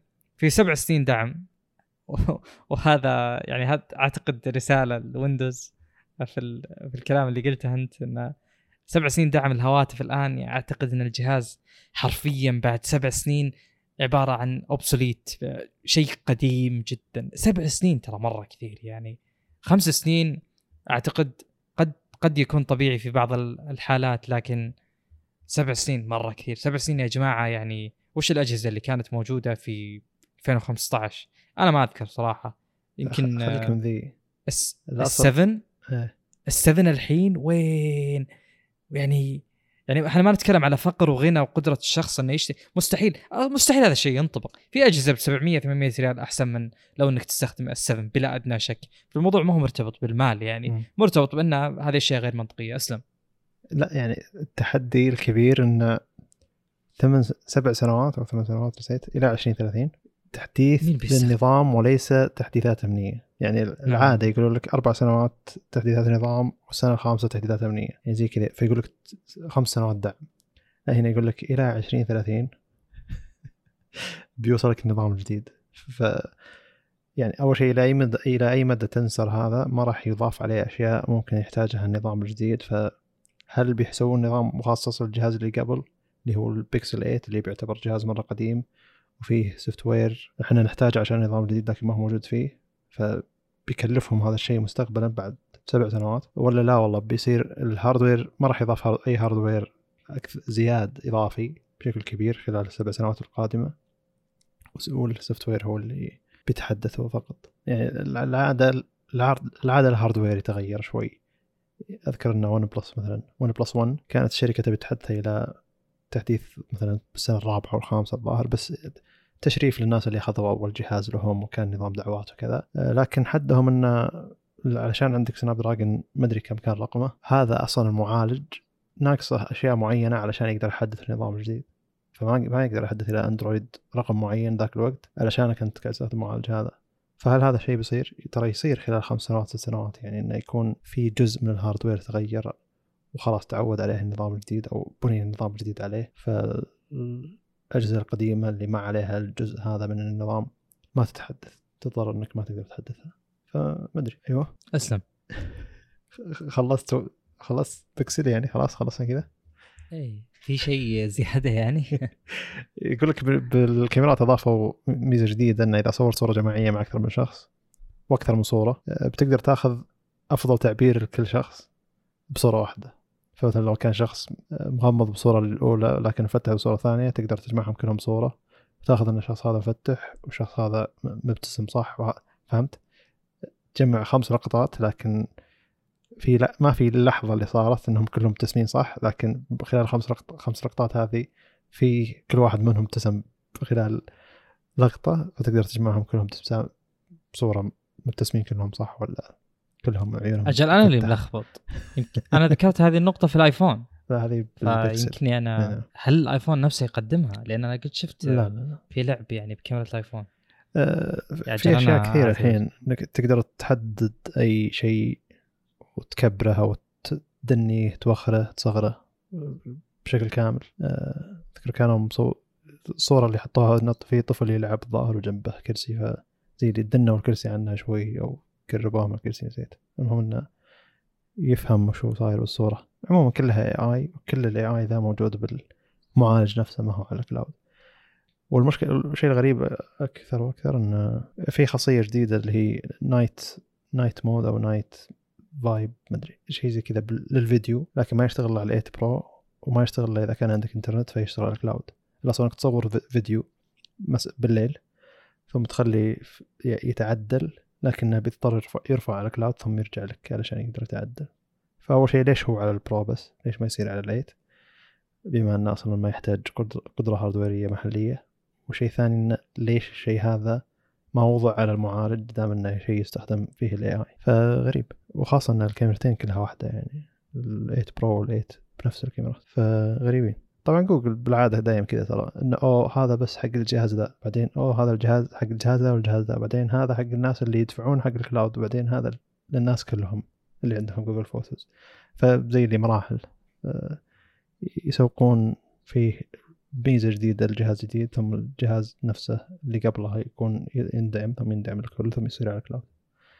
مزايا Google Photos أغلبها الموجودة الحين للناس كلهم ترى كانت مجرد مزايا على البكسل. آه، أنا ودي أشوف شلون ذا الشيء يشتغل والجودة اللي آه، يشتغل فيها جميل. ننتقل للموضوع اللي بعده. الموضوع الأخير تقريبا. جميل. آه طيب. أنا ك- كتبت الموضوع شاومي 13 T لكن نزل 14 وحنا ما سجلنا. فبتكلم عن 14 بشكل إضافي. آه شاومي دائما شركة مست- مستعجلة وتبي تقول أنا أفضل شركة واول شركة حطت آه المعالج الفلاني على الجهاز الفلاني. لكن دائما يجيبون العيد في الشيء ذا. عموما أنا ما مطول آه 13 T 13 T Pro نفس الكاميرات نفس الأجهزة بالضبط كلهم. آه لكن اللي يختلف سرعة الشحن ال Pro 120 والعادي 67 الشيء الغريب إن 12 T الماضي العادي كان 120 وال- وال Pro كان 120 لكن يختلف المعالج. هذاك واحد منهم كان آه، Snapdragon واحد منهم كان MediaTek الحين اثنينهم MediaTek واحد 6200 واحد 8200 آه، أجهزة محترمة يعني خا- خاصة من ناحية الكاميرا. أول مرة أشوف إنهم يعتنون بالكاميرا للدرجة هذه. آه، كاميراتهم بالتعاون مع Leica أول مرة تجي تعاون مع Leica على فئة T ومن تجربة شخصية الكاميرات جدا ممتازة. موجودة عندنا 13 T بالبيت. أه، استغربت من جودة الكاميرات وخاصة الألوان. Leica داخلة بشيئين ما بشيء واحد. أغلب تعاون الشركات الصينية مع شركات الكاميرات الكبيرة. هو تعاون من ناحية إصدار الصورة النهائية من ناحية الألوان. Leica مشاركة من الناحية هذه مشاركة من ناحية الزجاج بشكل أكثر. يعني الزجاج اللي قدام المع... المستشعر أه، هو من أه، لايكا نفسها مساعدة لايكا. المستشعرات اللي موجودة الأخيرة ترى كوالكوم متعاونة مع سوني علشان تنتج المستشعرات الواحد انش يعني هو مو بس إنتاج سوني المستشعر هذا هو إنتاج سوني بالتعاون مع شاومي. فشاومي قاعد تحرك المجال كله. هذا اللي قاعد أشوفه. أه، قد تظلم شركة زي كذا من ناحية الكاميرا أه، علشان أو شركة صينية مجرد شركة صينية. وت- ولو تسأل أي شخص وش أفضل وش أفضل كاميرا موجودة بالسوق بيقول لك ايفون ولا سامسونج بيهمل شاومي مع إن شاومي هي اللي قاعد تحرك أطراف ال- الاكتشاف أطراف حتى القدرة الفيزيائية للكاميرا نفسها إلى أي حجم ممكن توصل. فهم أول من حطوا واحد إنش هم أول من غيروا بالزجاج الأمامي بدرجه كبيرة لأن أقل زجاج انعكاسات. أه، هم أول من شارك سوني بتطوير مستشعر جديد يعني بينهم بين سوني. المستشعر ذا موجود الشركات كلها الحين لكن شاومي نفسها شاركت في تطوير المستشعر هذا فعلشان نقدر الشركة وش سوت. آه، فهنا 13 13 برو. الألوان اللي جت فيه آه، في لون أزرق ويجي كان أزرق سماوي. يجي كأنه جلد آه، جلد نباتي على قولتهم والباقي أخضر وأسود زجاج عادي. آه، ما يستاهل نعطي الجهاز بشكل كبير آه، يعني نسرد مواصفاته وغيرها. يعني هو تطور بسيط لل 13 تي 13 نسخة التي لكن تركيز كبير على الكاميرات وهذا شيء جيد. وأول ما نزل عندنا نزل مع نسخة يعني النسخة العادية نزلت ب 1999 ريال. والنسخة البرو نزلت ب 2599 وكان معهم ساعة الشاومي S1 Active الظاهر أو كلاسيك آه، عموما ساعة قيمتها جديدة 800 ريال. آه، أظن من أفخر ساعات عند شاومي عموما عادتهم يعطونك أغلى ساعة عندهم العادة يعطونك نوعا ما ساعة رخيصة. فكانت صفقة جدا جدا ممتازة. يعني اللي لحق على الطلب المسبق وأخذ وأخذ الساعة نفسها ساعة لو يبيعها برا يبيعها ب 600 ريال أو 500 ريال. فشيء جيد. دائما من ال 11 تي إلى الحين نسخة التي الطلب المسبق حقه يعتبر صفقة محترمة خاصة مع الإضافات اللي يحطون عليه. أه، لو ترجع شرق آسيا ترى يعطون معه شاشة تلفزيون مع الجهاز. ف, ف... لما تشوف إنه أوه يعطون ساعة شيء شيء طبيعي يعتبر. أه، الصفقة الخارجية بشرق آسيا لما يعطون معك 50 إنش TV تحس ان أنت هنا ملعوب عليك. لكن ما تزال صفقة محترمة ممتازة جدا. يعني الت- التعاون مع لايكا من ناحية الألوان والتعاون مع لايكا من ناحية العدسات هم من ناحيه ال ISP ال image processing أو signal processing اللي هو حق ميدياتك اللي هو المفروض يكون أضعف من كوالكوم لكن دام انه في طبقات أكثر على الت- بالتعديل وفي عناية بالكاميرا للدرجة هذه وفيه آه، mode يعني داخل حق لايكا في لايكا Vibrant في لايكا كلاسيك الظاهر يعطيك ألوان لايكا بشكل أكبر. فتجربه جيدة من ناحية تجارب الكاميرا. آه، وال 14 برو وال 14 العادي جت آه، أول أول أجهزة بمعالج كوالكوم سناب دراجون 8 جن 3 وكلها تعاني من حرارة. ودايم شاومي تسوي الشيء هذا من نسخ ال 12 12 جت مباشرة بشكل مباشر يعني إحنا أول ناس أصدرنا المعالج هذا جت حرارة. النسخة اللي بعدها أول ناس طلعنا المعالج هذا جت بداياته فقط كان في حرارة. فأتوقع خلال شهر شهرين تنحل المشكلة لكن هذه مشكلة الأسبقية والاستعجال بشكل كبير على المعالج الجديد. آه، آه، ما في يعني من قوة تطور من قوة تطور شاومي 13 برو على 14 برو ما في ذاك التطور الكبير. الجهاز تيتانيوم آه، الكاميرات حقته نفس الكاميرات السابقة. في مستشعر واحد اللي هو طوره مع سوني مستشعر جدا محترم وخرافي يعني. يعني لو بعيد كاني قاعد اعيد مواصفات ال 13 برو. فال 13 برو وال 14 برو جدا متقاربين. أه، واحس إن شاومي بدأت تسقع جدار من ناحية إنه أوه إحنا طورنا الجهاز الماضي إلى درجة قوية ما راح نقدر نطور بالجهاز ذا إلى درجة قوية بس قاعد نحط مستشعر جديد ولا معالج جديد خلاص. أه، تيتانيوم علشان اسم التسويق ولا.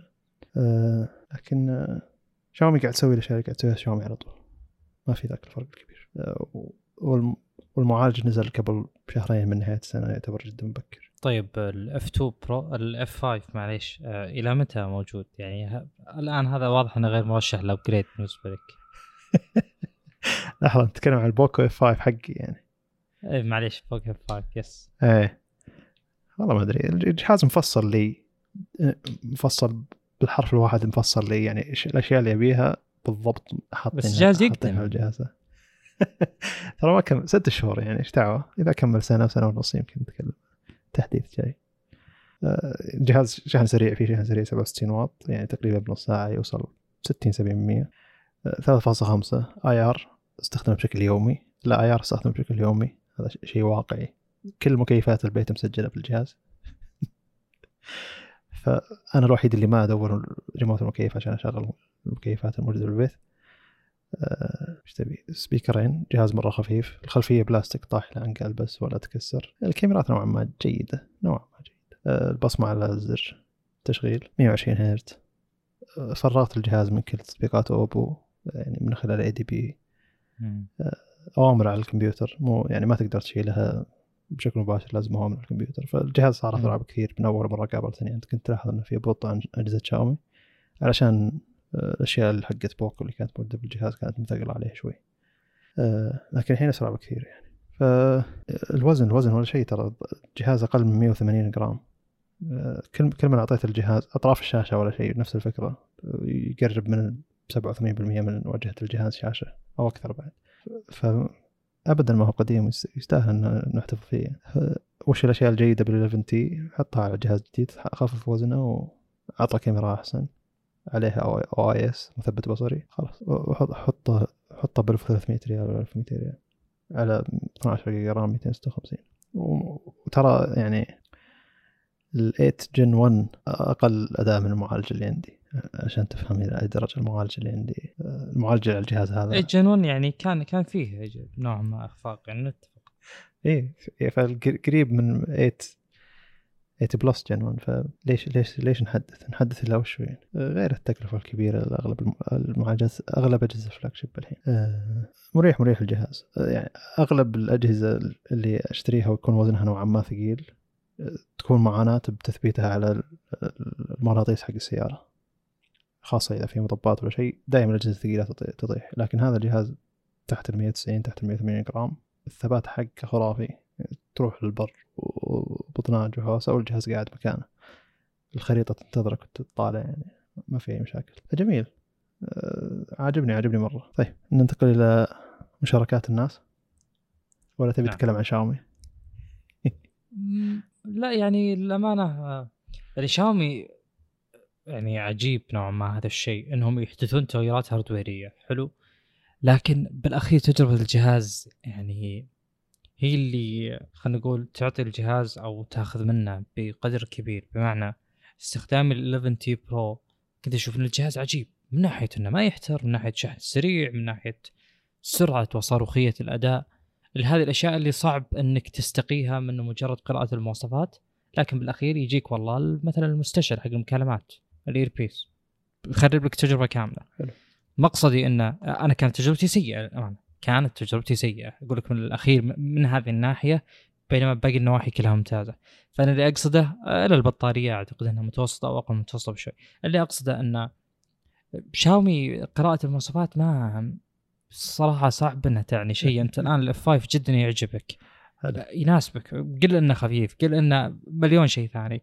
فيعني غالبا شاومي بتكون تجذب الانتباه في خلينا نقول extreme high end أعلى شيء بال Ultra غالبا اللي فيها والله المواصفات المبتكرة.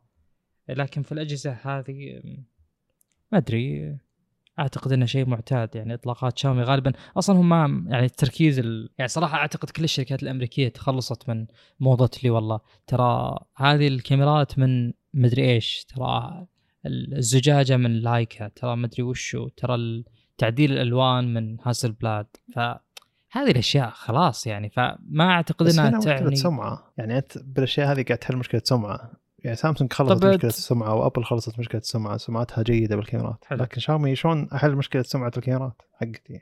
يعني طيب إذا جبت هذول ما حليتها وش الفائده يعني أنت تخرب سمعة ذولاك؟ ما أدري صراحة. حلو. في حلول أخرى. أفترض ان في حلول أخرى والسمعة صعب إنك بجيل واحد تقول والله أوه الجهاز صار أحسن شيء وخلاص. طيب في شيء إضافي انه ترى تخلصوا من اسم MIUI اللي هي واجهة شاومي وغيروها إلى HyperOS. قاعد يقولون إنها نقلة نوعية وممكن تصير وكذا كذا كذا. ال 11T وفوق بيجيهم التحديث الأجهزة حقت شاومي. آه إلى الحين ما شفت أشياء كثيرة. يعني كل كل التجارب قريبة جدا من النظام الأساسي. آه لكن شاومي لما توعدك بتحديث التحديث ذا فيه تغيير وتقول لك ترى التغييرات بتكون إن الجهاز بيكون أسرع إن بيكون في كذا الجهاز يصير أسرع بشكل ملاحظ. يعني ما قد جاء تحديث من شاومي قالوا إنه بيصير في شيء وصار أقل من الشيء هذا. ما في أشياء ظاهرية تغيرت بشكل كبير أغلب نفس التصميم لكن هم يقولون انه بيكون نوعا ما السرعة وال animation أسرع بكثير. وبيكون إذا كان عندك أجهزة شاومي الثانية بيكون HyperOS في تحكم عن بعد. إذا كان عندك مثلا لابتوب حق شاومي وجهاز شاومي تقدر تتحكم بالجوال عن طريق الكمبيوتر زي اللي ما أدري وش النظام حقهم بيصير ما أدري وش التطبيق اللي بيصير على ويندوز عشان تقدر تتحكم فيه لكن أحس إن هذه النقطة سوتها سامسونج من قبل بتطبيق Your Phone وشاومي شوي جاي متأخرة من ناحية حتى من ناحية تسويقية يعني.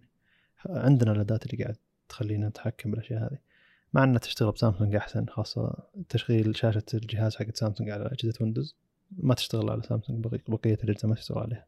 أه بس بشوف يعني إذا HyperOS بيوصل لأجهزة شاومي ودي أجرب لأن التجربة خير من الكلام اللي قاعد يذكر بشكل كبير. خاصة إذا ما كان في آه، أشياء نقدر نطالعها إنه أوه والله هذا تغيير لازم نشوف تجربة شخصية. حلو. نروح لمشاركات الناس. الردود اللي جت. آه طيب الأخ عمر يقول آه رقم مميز من ناحية إنه 100 حلقة. أنا قلت بمناسبة 100 حلقة عطنا ردك استفسار أو مشاركة. شكرا لجهودكم. مع إني ودنا تكثر الحلقات. يقول معالج 8 Gen 3 المعمارية ما تغيرت 4 نانومتر بس الكلام اللي طلع أنه قوته أكبر وتوفير الطاقة أكبر وش السبب؟ مع أنهم زادوا الترددات. شيء ثاني هل هناك أمل لتفوق معالجات ميديا تك على سناب دراجون هذه السنة؟ آه، طبعا على التسريبات طلعت وتقسيمات الأنوية. في جواب؟ معليش معالج جديد من سناب دراجون صح؟ إيه. مم. والله هو التوجهات يعني مثل ما ذكرنا كثير في السابق آه، يعني غالبا يجي stock آه، من يعني ترشيح أرم غالبا ال modems هي اللي والشغل الإضافي اللي تسويه كوالكم هو اللي يفرق. آه، يعني بالنسبة لي بالنسبة اللي شفناه بالايج جن 1 بعد ما تغير والايج جن 2 بعد ما تغير التسميات وكذا إنه الأمور التصنيعية تلعب دور أكبر optimization يلعب دور أكبر. يعني سامسونج صنعت الجيل الأول بشكل كبير آخر شيء. ما أقول إنه كان فلوب على قولتهم كأنه يعني كان فشل. بس نوعا ما في مشاكل. ايج جن 2 ما يقارن بال1 خصوصا يوم صار آه، أو يعني يوم اصدرت هذه الأجهزة من أو يوم اصدرت هذه المعالجات على أجهزة سامسونج آه، لاحظنا الفرق الكبير. فالمتغيرات كثيرة. هل لاحظنا نفس الاقتصاد في كفاءة الطاقة والأمور هذه في الأجهزة الأخرى؟ مو بالضرورة ممكن اللي لاحظناه بسامسونج يوصل 20 25% بينما بالأجهزة الأخرى 5% فأنا أعتقد أن نظرتنا للمعالج هو يعني ما هو معالج PC تحطه على socket آه، وتركب عليه heat sink ومبرد وتقيس أداءه بشكل مطلق قد ما انه المكان اللي هو فيه وطريقة استخدام النظام أو الواجهة للمزايا ممكن بعض بعض المزايا بالواجهة تكون intensive على المعالج تعطله عن أمور أخرى. أنا مقصد أن كثرة التغيرات يخلينا ما نقدر نحسم بشكل كامل لكن بنفس الوقت يعني الإشكال أظن في وجود حصرية 3 nanometers اللي صراحة أنا أنا شخصيا ما ما أفهم اللي يصير بالضبط من ناحية إنه وش معنى حصرية؟ ليش كذا؟ الحصر هل إن الشيبس اللي بهذا ال ال بهذه ال lithography خلاص كلها انحجزت ما عندي علم دقيق لكن يخليك تتساءل بعض الأسئلة اللي بالأخير يوم ينزل المعالج تلقى هذه الأمور كلها ما لعبت ولا غيرت بالحسبة اطلاقا. بمعنى أن تجي إنتل وتنزل معالج وبعده معالج ثاني بنفس الليثوغرافي بالضبط ال 10 نانومتر طولوا عليها بالأخير تجيك الكفاءة أحسن.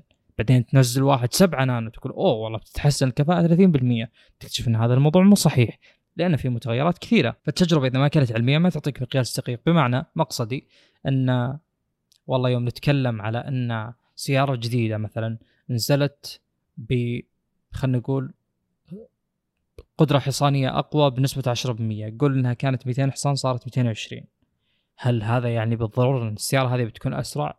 100% لا. يعني أكثر من 100% بعد لا. يعني أمور آه، الوزن اللي موجود على الإطارات اللي تتحرك يلعب دور. أمور ناقل الحركة يلعب دور. آه، قد إيش الإطارات أصلا جيدة. آه، ليش أنا أقول ذا الكلام؟ لأن هذا الموضوع في صعوبة بالغة للقياس فيه لكن أقدر أختصره في فكرة إن الشركات اعتقد انها تعلمت بشكل كبير من الأخطاء اللي صارت قبل وأعتقد إن تكرار الخطأ مثلا اللي في 8 جن 1 في صعوبة بالغة في في تكراره الآن لأنها خلاص يعني ما ما أعتقد إن في شركة تبي تتجه بنفس الاتجاه لذلك أعتقد إن ال 8 جن 3 بيكون جدا أفضل آه، بجميع المقاييس رغم إني قلت إنه مو بالضرورة لكن ما, ما أعتقد إنه في أخطاء سابقة تتكرر. أعتقد إنه طبعا ايجنت 2 يعتبر قفزة ممتازة في يعني هذا من المعالجات اللي فعلا على أي جهاز تاخذه. لكن بنفس الوقت مثل ما ذكرت أكيد إن الاتجاه بيكون للتطور يعني يعني الإشكالات اللي جت بال eight Gen 1 في صعوبة لتكرارها. المعالج طبعا نفسه مثل ما ذكرت كثير إنه ما راح يكون في فرق بالترددات والأمور هذه إلا أشياء بسيطة بس هاردويريا هي نفسها. ف المنتج النهائي آه، مو المعالج قد ما هو وش وش الجهاز اللي ينزل عليه المعالج وش أداء الجهاز ككل. ما نقدر آه، نركز على جوانب نغفل جوانب أخرى. وأعتقد إن كوالكم طبعا في تحدي بحكم خلاص نزوح الشركات الأمريكية بشكل مطلق وكامل عن عن كوالكم آه، التحدي قاعد يزيد أكثر وأكثر. يعني العشم وال والتفاؤل بالشركات الصينية إنها تاخذ بشكل طائل ولو إن الشركات الصينية بالأخير تستخدم MediaTek فما يبقى عندنا إلا سامسونج فهذا التحدي الوحيد يعني. إلا يعني قد يكون هذا التحدي اللي أصلا أبرز وأوجد آه، التشارك الكبير اللي في 8 Gen 1 أعتقد إن Qualcomm تلقى طريق بالأخير إلى إنها يعني تبيع.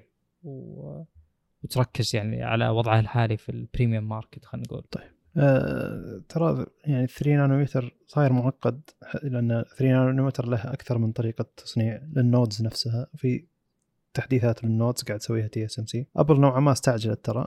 TSMC قالت ل Apple ذات الكلام إن ترى الحين ال node اللي قاعد قاعد نصنع فيه 3 نانومتر اللي هو N3B اللي هو حطوه على ال iPhone 15 Pro Pro Max وحطوه على ال M3 هذا أصعب تصنيع وأقل جودة من ال node الجديد اللي هو ال N3E والظاهر بيجي بعدين N3P وليس B اللي هو موجود الحين. وهذا يقولون إن صعوبة التصنيع ذي هي اللي خلت أول شيء TSMC ترفع السعر على Apple و Apple تقول تأخذ حصرية قدام سنة ونص قالت إن خلاص سنة ونص قدام إحنا بنأخذ منكم ال nodes هذا. هذه ما هي مشكلة يعني بس أهم شيء إن نسبق الناس فيها. آه، أول مرة أشوف إن Apple تحرص بشكل كبير على ال nodes والنانوميتر بالمعالجات لكن طلبت كمية كبيرة اللابتوبات ال M3 وال iPhone الجديد. آه، أغلب الناس قاعد يقولون إن يعني لو لو Apple صبرت شوي من ناحية الانتقال ل 3 نانومتر وأخذت ال node الجديد اللي هو ان ان 3 إي ولا إن 3 بي اللي بيجي بعده آه، بيكون جودة ال 3 نانومتر نفسها أفضل. وأتوقع أن صعوبة التصنيع زادت التكلفة على TSMC بشكل كبير زادت التكلفة على بشكل كبير. الظاهر انه دافعة 3.4 مليار بس حق السنة ذي. الظاهر كلها ثلاث أربع شهور يعني. بس السنة ذي دفعت بس دفعت إلى كمية كبيرة حق ما أدري ست شهور قدام ثمان شهور قدام. أه بس عموما أه Apple Apple أفضل عميل عند تي اس ام سي فتي اس ام سي ما تقدر تقول لا اللي تبونه أنتم. مو أصبروا علشان إلى أن نقدر نبدأ نصنع ال nodes الجديده اللي هي N3 آه، فشيء غريب.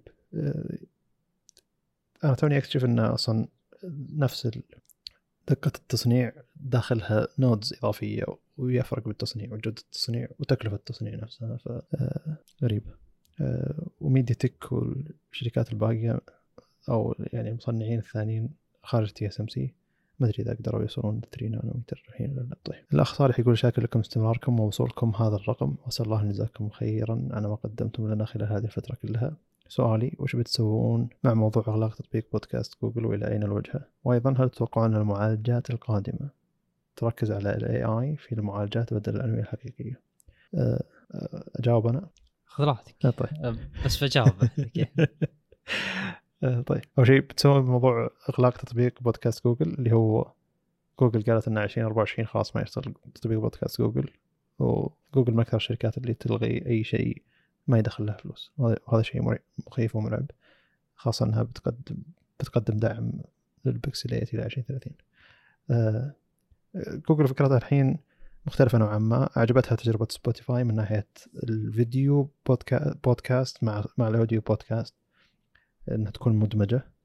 تبي أغلب بودكاست يصير عندها نسخة فيديو ويكون كلهم موجودين على YouTube Music. ما أدري إذا بيبقى YouTube Music على نفس اسمه ما أتوقع إنه يتخلص من اسمه نهائيا. لكن جوجل ما تبي تجربة تكون سيئة من ناحية أنت قاعد تسمع بودكاست البودكاست هذا له نسخة نسخة باليوتيوب ولكن نسخة اليوتيوب ما هي مربوطة بشكل مباشر. فإذا تكلموا عن شيء حصل باللقطة ما تقدر تنتقل اللقطة بشكل مباشر. بينما ب YouTube Music لو هو موجود ومسوي بنفس الطريقة لأي بودكاست موجود تقدر تحط مثلا ال RSS حقك وتقدر تحط إن هذه القناة حقتك وتربط مع بعض ممكن تكون تجربة ممتازة. لكن هل جوجل بتدخل عالم بودكاست إلى الدرجة هذه وبتخلي يوتيوب مليان؟ أصلا يوتيوب مليان بودكاستات لكن هل بتخلي الربط ممتاز ومباشر؟ صراحة بشوف إنها بتريحنا. إذا جوجل نفسها بتقدر تستضيف ال RSS حقنا وتربطه مع قناتنا على اليوتيوب ما نحتاج نروح أماكن ثانية عشان نرفع آه، مستضيف عشان يرفع ال RSS حقنا لكن من ناحية كمشغل تسمع فيه ما أتوقع في بديل Google Podcast. أغلب التطبيقات الثانية فيها إعلانات. فشيء متعب صراحة الإعلانات. أو لازم تدفع اشتراك مشغلات البودكاستات الثانية. فدور بودكاستاتك المفضلة على اليوتيوب واسمع من اليوتيوب وخلاص. هذا الحل اللي أشوفه حاليا ممكن يفيد. أيوه تقول لي؟ اي أي مشاركة؟ أه بتكلم بخصوص معلش وش ذكرت آخر نقطة؟ أه فيه غير البودكاست. يقول المعالجات القادمة تركز على ال AI في المعالجة بدل الانويه الحقيقيه أه يعني هذا التوجه الحالي هذا اللي يصير فعليا الآن بسبب إنه يعني إذا عندك مزايا تقدر تستغلها في في الهاردوير فتنفيذها بيكون أسرع. بالمقابل أنت عندك مساحة محدود فيها فلابد تكون حذر في يعني في إيش تستغل المساحة. آه، الأمثلة اللي دائما أضربها اللي هي مثلا أفترض إن عندك يعني أدوات تقطيع وعندك شيء تبي تقطع ايا كان يعني ذبيحة ولا قطعة قماش ولا غيره فأدوات التقطيع اللي عندك تتباين من بين خلينا نقول أدوات كهربائية زي المنشار ولا سكاكين أو سيوف أو خناجر أو أو إلى آخره. فاستخدامك لهذه الأدوات غالبا في أداء أفضل من الثانية في التطبيق هذا. بمعنى أنه الموضوع أول شيء يعتمد على أنت وش متعود عليه وش تفضل أو هل أنت تعرف أصلا ولا لا. وبمعنى بمعنى آخر يعني مثلا لو تبي تقطع شجرة آه، استخدامك للمنشار غالبا بيكون أفضل تنفيذ. بس المنشار ياخذ مساحة وثقيل والى اخره نفس الشيء بالضبط يوم نتكلم على معالج يوم يكون فيه أدوات داخلة يعني تقطع ال processes تنفذ المهام آه، غالبا في أدوات آه، خلينا نقول حقت كل شيء أدوات عامة generic تستخدمها لكل شيء اللي هو hardware المعالج اعتيادا كيف يتعامل مع الأمور هذه. لكن خلينا نقول إن هذه الأداة مثلا سكين وعندك تقول والله تدري أنا بحط بمساحة المعالج هذه ألف سكينة مثلا. آه هذه بتنفع لكل شيء لكن الألف سكينة لو كلها تخليها تركز على تقطيع الشجرة قطعا المنشار بيكون أفضل. لكن بنفس الوقت تجيب المنشار هل تقدر تاخذ منشار وتسلخ فيه ذبيحة مثلا؟ بيكون عندك تحدي كبير. أعتذر عن الأمثلة طبعا. بس إنه أعتقد قصدي جدا واضح إنه هو اختيار اختيار اقتصادي من مصمم المعالج. قد إيش بيخلي في أدوات generic أدوات عامة وأدوات مخصصة هو يعتمد على ال workflows اللي بيتعامل معها. بمعنى إذا كان المعالج مثلا جدا آه، يعني جزء من مهامه إنه والله يسوي render لصور وفيديوهات أكيد إنه بتكون الوحدات حقت ال AI اللي آه، مستعده أنها تتقبل هذا النوع من ال workflows بتكون أكثر وبتكون أكبر وبتكون عندها طاقة أكثر فبتخلص آه، بتخلص الشغل ال rendering هذا بسرعة فائقة يعني. أنا تو سويت كذا يعني بسرعة. ف ف آه فمثل ما قلت ان ان التخصيص في ال AI بالوحدات الداخلية للمعالج بتخليه ينجز أنواع محددة من المهام بشكل أكثر سرعة.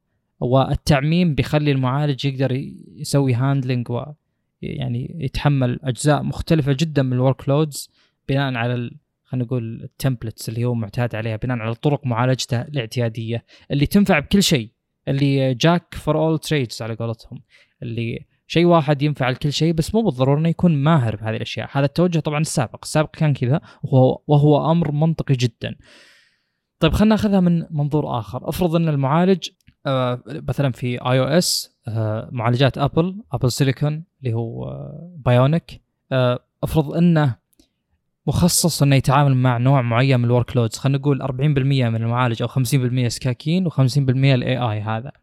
طيب لو جينا حنا في خلينا نقول Xcode وفي Swift لغة Apple ايا كان وعدلنا بال internal components وخلينا المهام تكتب بطريقة تصير جدا مناسبة وملائمة لل AI هذا إنه ينجزها ينجزها ب يعني وينفذها بوقت سريع جدا. فيوم نسويها بهذه الطريقة بنخلي المعالج يعني إحنا استفدنا من جميع النواحي.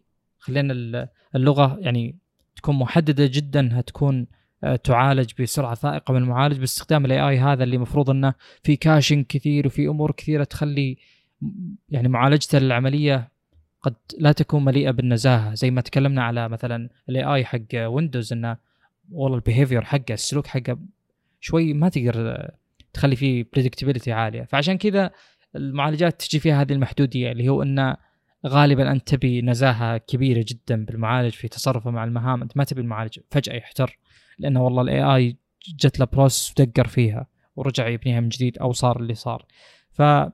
فقطعا إحنا متجهين من ناحية 100% سكاكين إلى أكبر قدر من المناشير الممكنة. قطعا 100% هذا التوجه.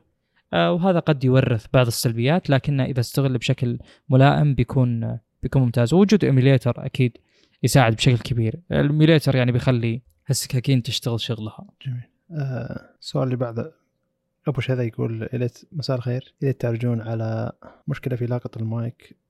الصوت لاقط الصوت يعني المايك. آه، في أجهزة Motorola thirty كل اصداراتها المختلفة أثناء المكالمات الصوتية. في موقع Lenovo لم يجد له حل. آه والله ما أدري. آه بس هذه ترجع نصيحة قبل. أنا ما أدري عن الجهاز شراء شراء الجهاز. لا ما أدري عن الجهاز مشاكل الجهاز وش الحل له. يعني ما سويت بحث للمشكلة هذه. لكن دائما قبل قبل أشتري جهاز لازم أنتظر فترة. لازم أبحث عن اسم الجهاز مع كلمة Reddit بجوجل. لأن هذول الناس اللي يطرحون مشاكل حقيقيه الناس تحاول تحلها معهم. وإذا في مشكلة ما انحلت خلاص هذا واقعيا الجهاز فيه مشكلة ما انحلت. يعني 13 تي و 13 تي برو قبل لا أشتري قبل لا أشتري ألو... يعني نسخة لحد في البيت عندي. آه كان في مشكلة إن الظاهر الكاميرا تضبب يعني يصير في ضباب داخلي أو شيء زي كذا. فدخلت ردت كذا اكتشفت إن لا اللي شروا الجهاز أول أول أسبوع أسبوعين هم اللي حصلوا المشكلة لكن بعد الأسبوعين هذه أغلب الناس قاعد تقول إنه ما في مشكلة والناس اللي شروا الجهاز كان في مشكلة الشركة بدلت الجهاز بشكل مباشر. فهنا حلو إنه أو في مشكلة قدروا قدروا الشركة تحلها بقية الأجهزة ما فيها المشكلة هذه. فأنت لو قبل تشتري الجهاز أساسا بحثت بحثت عن اسم الجهاز مع ردت تلقى الناس اللي امتلكوا الجهاز يطرحون مشاكل حقيقية الناس تحاول تحلها معهم. فأتوقع لو بعد شهر أو أقل من شهر حتى من نزول موتوريلا 30 مثلا إنك كتبت موتوريلا 30 مع ردت تلاقي ناس عندهم مشاكل بالمايك. بتلاقي ناس رجعوا الجهاز عشان المايك ما يشتغل. ناس قاعد يحاولون يحلون المشكلة. والمجتمع جيد. المجتمع التقني داخل ردة جدا ممتاز. وناس حقيقية قاعد تحاول تحل مشكلة حقيقية. ما هي ناس جاية تدافع عن شركة ولا تهاوش بشكل غريب. آه طيب الشخص اللي بعده ما ماني عارف أقرأ اسمه. يقول في اليوتيوب قوموا رجاء بوضع تقسيم زمني لكل فترة. والله ودي يعني أنا مش مش عايز. أنا مش قادر. شيء مرة ياخذ وقت طويل. آه، والأصل يعني شخصيا أشوف المحتوى حقنا آه، ينتهي يعني لأن إحنا قاعد نتكلم عن أشياء لحظية وما يحتاج تسمع وجهة نظري عن اس 20 الترا مثلا. الحين خلاص هذا شيء انتهى وقديم. قد يكون الأشياء النقاشية أكثر المواضيع العامة أكثر حلو السماع لها لكن الأشياء اللي نتكلم عنها بشكل مخصص أو أخبار معينة أعتقد إنها تنتهي. وإن نقسمها إلى مواضيع معينة بياخذ وقت أطول من فائدة الناس وكميه الناس اللي يحتاجون يرجعون لموضوع معين واحد. مع إنه والله مرات أقول للأشخاص إنه ترى تكلمت عن الشيء الفلاني بالحلقة الفلانية. أذكر إن الموضوع موجود هناك. لكن آه إلى الحين الحلقة ممكن تطلع لكم ساعتين ونص لكن أخذت مننا أربع ساعات بشكل واقعي. غير تعديل الصوت اللي بيسويه صالح غير الإعداد اللي سويناه قبل الحلقة. فشيء شيء يشفط وقت من دون من دون ذيك الفائدة الكبيرة يعني. أقدر لكم أنكم تبون تسمعون مواضيع المواضيع معينة بحلقات سابقة يعني.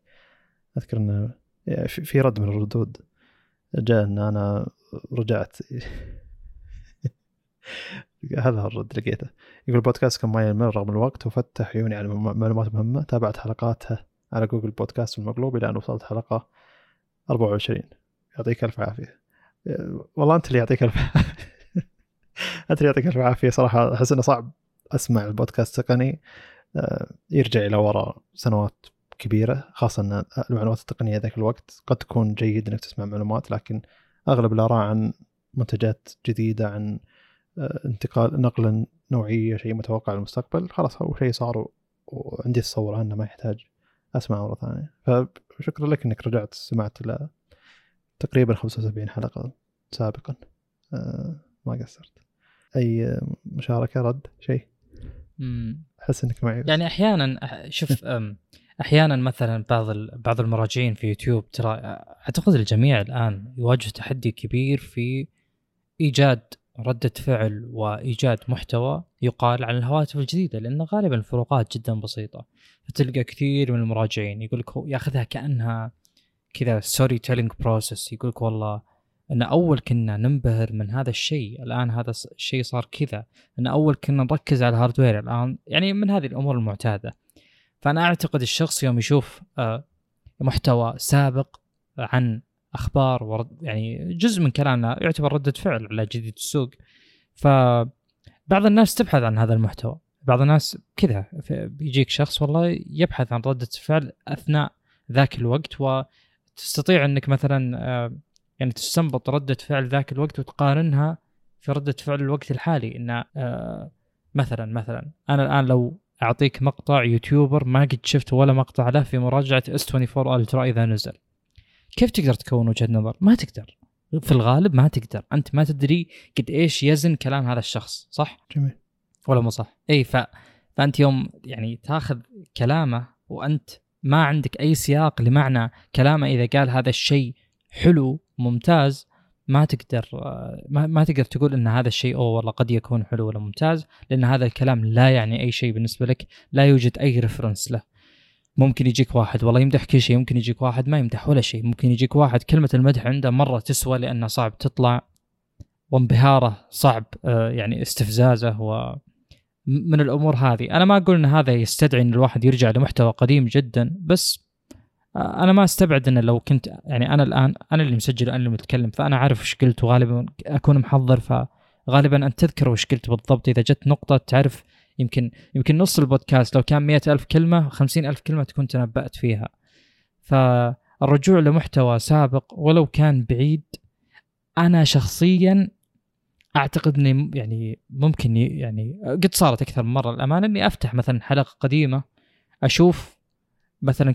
أفرض خلينا نتكلم عن الكاميرات تحديدا الآن لأن الحديث عنها غير متجدد بشكل كبير. لا ممكن أرجع لحلقة سابقة وأسمع آه، رأي أو كلام قلناه أو تحليل قلناه بخصوص الكاميرات. ترى بعض الكلام اللي نقوله اعدادا زي الكروما سب سامبلينج والأشياء هذه بالكاميرات يعني صراحة مرجع. أنا أرجع عشان أسمع وش قلت عشان أتذكر بالضبط كيف شرحت النقطة هذه اللي أنا الحين رجعت أحاول أفهمها مثلا ما فهمتها. طبعا مو هذا المثال بس قد تكون أمثلة غيره. أه وفعلا إذا كان يغلب عليه ردات فعل بتكون مقتصرة وبتنتهي صلاحيتها مع الوقت. أه لكن لا أزال أقول أن لا ممكن في ناس ترجع. يعني يعني مثلا أعطيك مثال.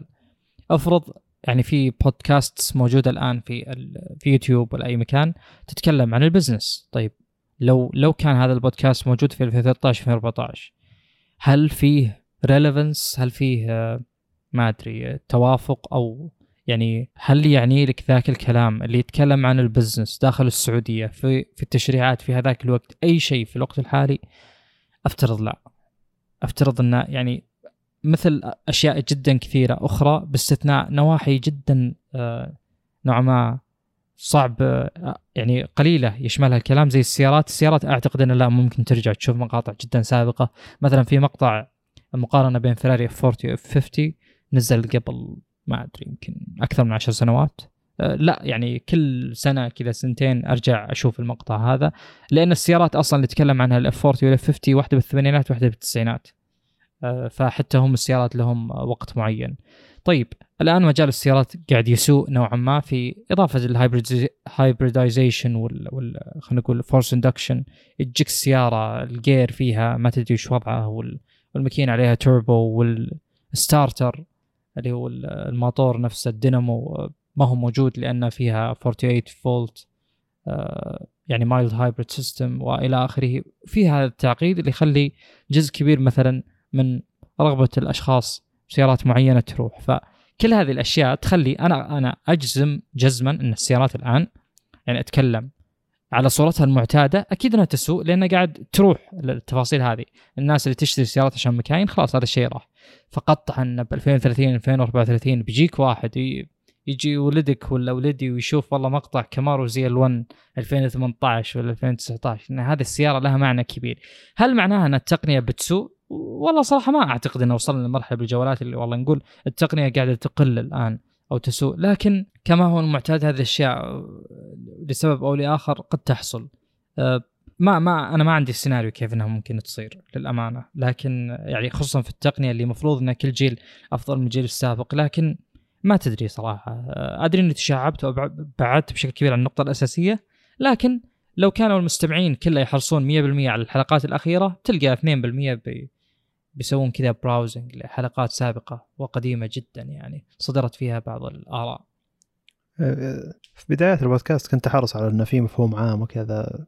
يعني احاول أطرحها مع طرح الأخبار. لكن بعدين اكتشفت انه هو بدأت تخلص المفاهيم اللي ممكن صح صح ممكن أطرحها. لكن يعني تقريبا آه. أنت تتكلم كأن الناس فاهمة أنت يعني يعني شرحك التسلسلي السابق يمتد إلى الآن. حلو. طيب آه الأخ المنذر الحميداني يقول بارك الله في جهودكم الله يهينكم. وش رأيكم بالـ fold ال OnePlus الجديد ورأيكم بالـ fold بشكل عام؟ الله يهينك. جزاك الله خير. آه أول نص ساعة راحت من من الحلقة ذي أو أكثر أكثر من أول نص أول نص ساعة راحت بالكلام عن ال OnePlus فأتوقع إنه كان جواب كافي. شيء ثاني يقول وأيضا لو تتكلمون عن ميزة Samsung Pay وفوائدها وصالح رد عليه اضاف قال بالإضافة إلى Google Pay وماذا تختلف عن Apple Pay Samsung Pay هل بتجي عندنا؟ آه أنا ما عندي جواب يعني تحتاج تجارب شخصية أكثر. بخصوص ال fold. آه اللي هو إنه يعني أنا صراحة وجهة نظري إنه لا دقيقة يا ال fold لابد تكون أرخص تكة بحيث إنك فعلا على قولتهم يصير في undercut سامسونج ويصير قابل للاقتناء. أكيد إن البطارية فيه ما أدري على الورق أفضل ما أدري عن الواقع. لكن توفيرك لل stylus ودعم DeX أعتقد إنه قد يتغافل عنه في أجهزة عادية لكن صعب إنك تتغافل عنه في جهاز. المفروض إنه يكون كل الأجهزة بالنسبة للمستخدم. أنا أرى انه جهاز جدا ممتاز وأرى إن OnePlus ممكن تنافس. لكن كدعم كمثل ما ذكرت أنت موضوع المشاكل وإلى آخره لا صراحة يعني إلى الآن رغم إني منقهر جدا من ال fold. المفروض في أشياء كثيرة تتعدل. صراحة هو الأكثر موثوقية. دعم القلم ترى مرة حلو. مهم بال foldables ترى مرة مهم. صعب يجيبون صعب يجيبون جهاز fold بسعر أرخص من سامسونج. سامسونج هي قاعد تصنع قطع ال fold. والله ما أفتر بتكون أرخص على الناس يعني. صراحة. شوف. آه و Google Pay Apple Pay Samsung Pay. أحس أنها تحتاج تجارب شخصية. وممكن ما أدري على كلام ما نعرف إلا مدى باي والله آسفين يعني. Google Pay بس إذا سافرت تجربة. حلو. صراحة ما أعرف. آه، كثير من الناس يقولون نهاية السنة أو نص 2024 بيكون متوفر بالسعودية ما أدري. آه، ذاك الوقت نعطي تجربة شخصية جيدة. صحيح. آه، في رد قريب قبل يومين يقول طورت الحلقة. الحلقة اللي حاول حاولنا نسجلها ب 29 أكتوبر.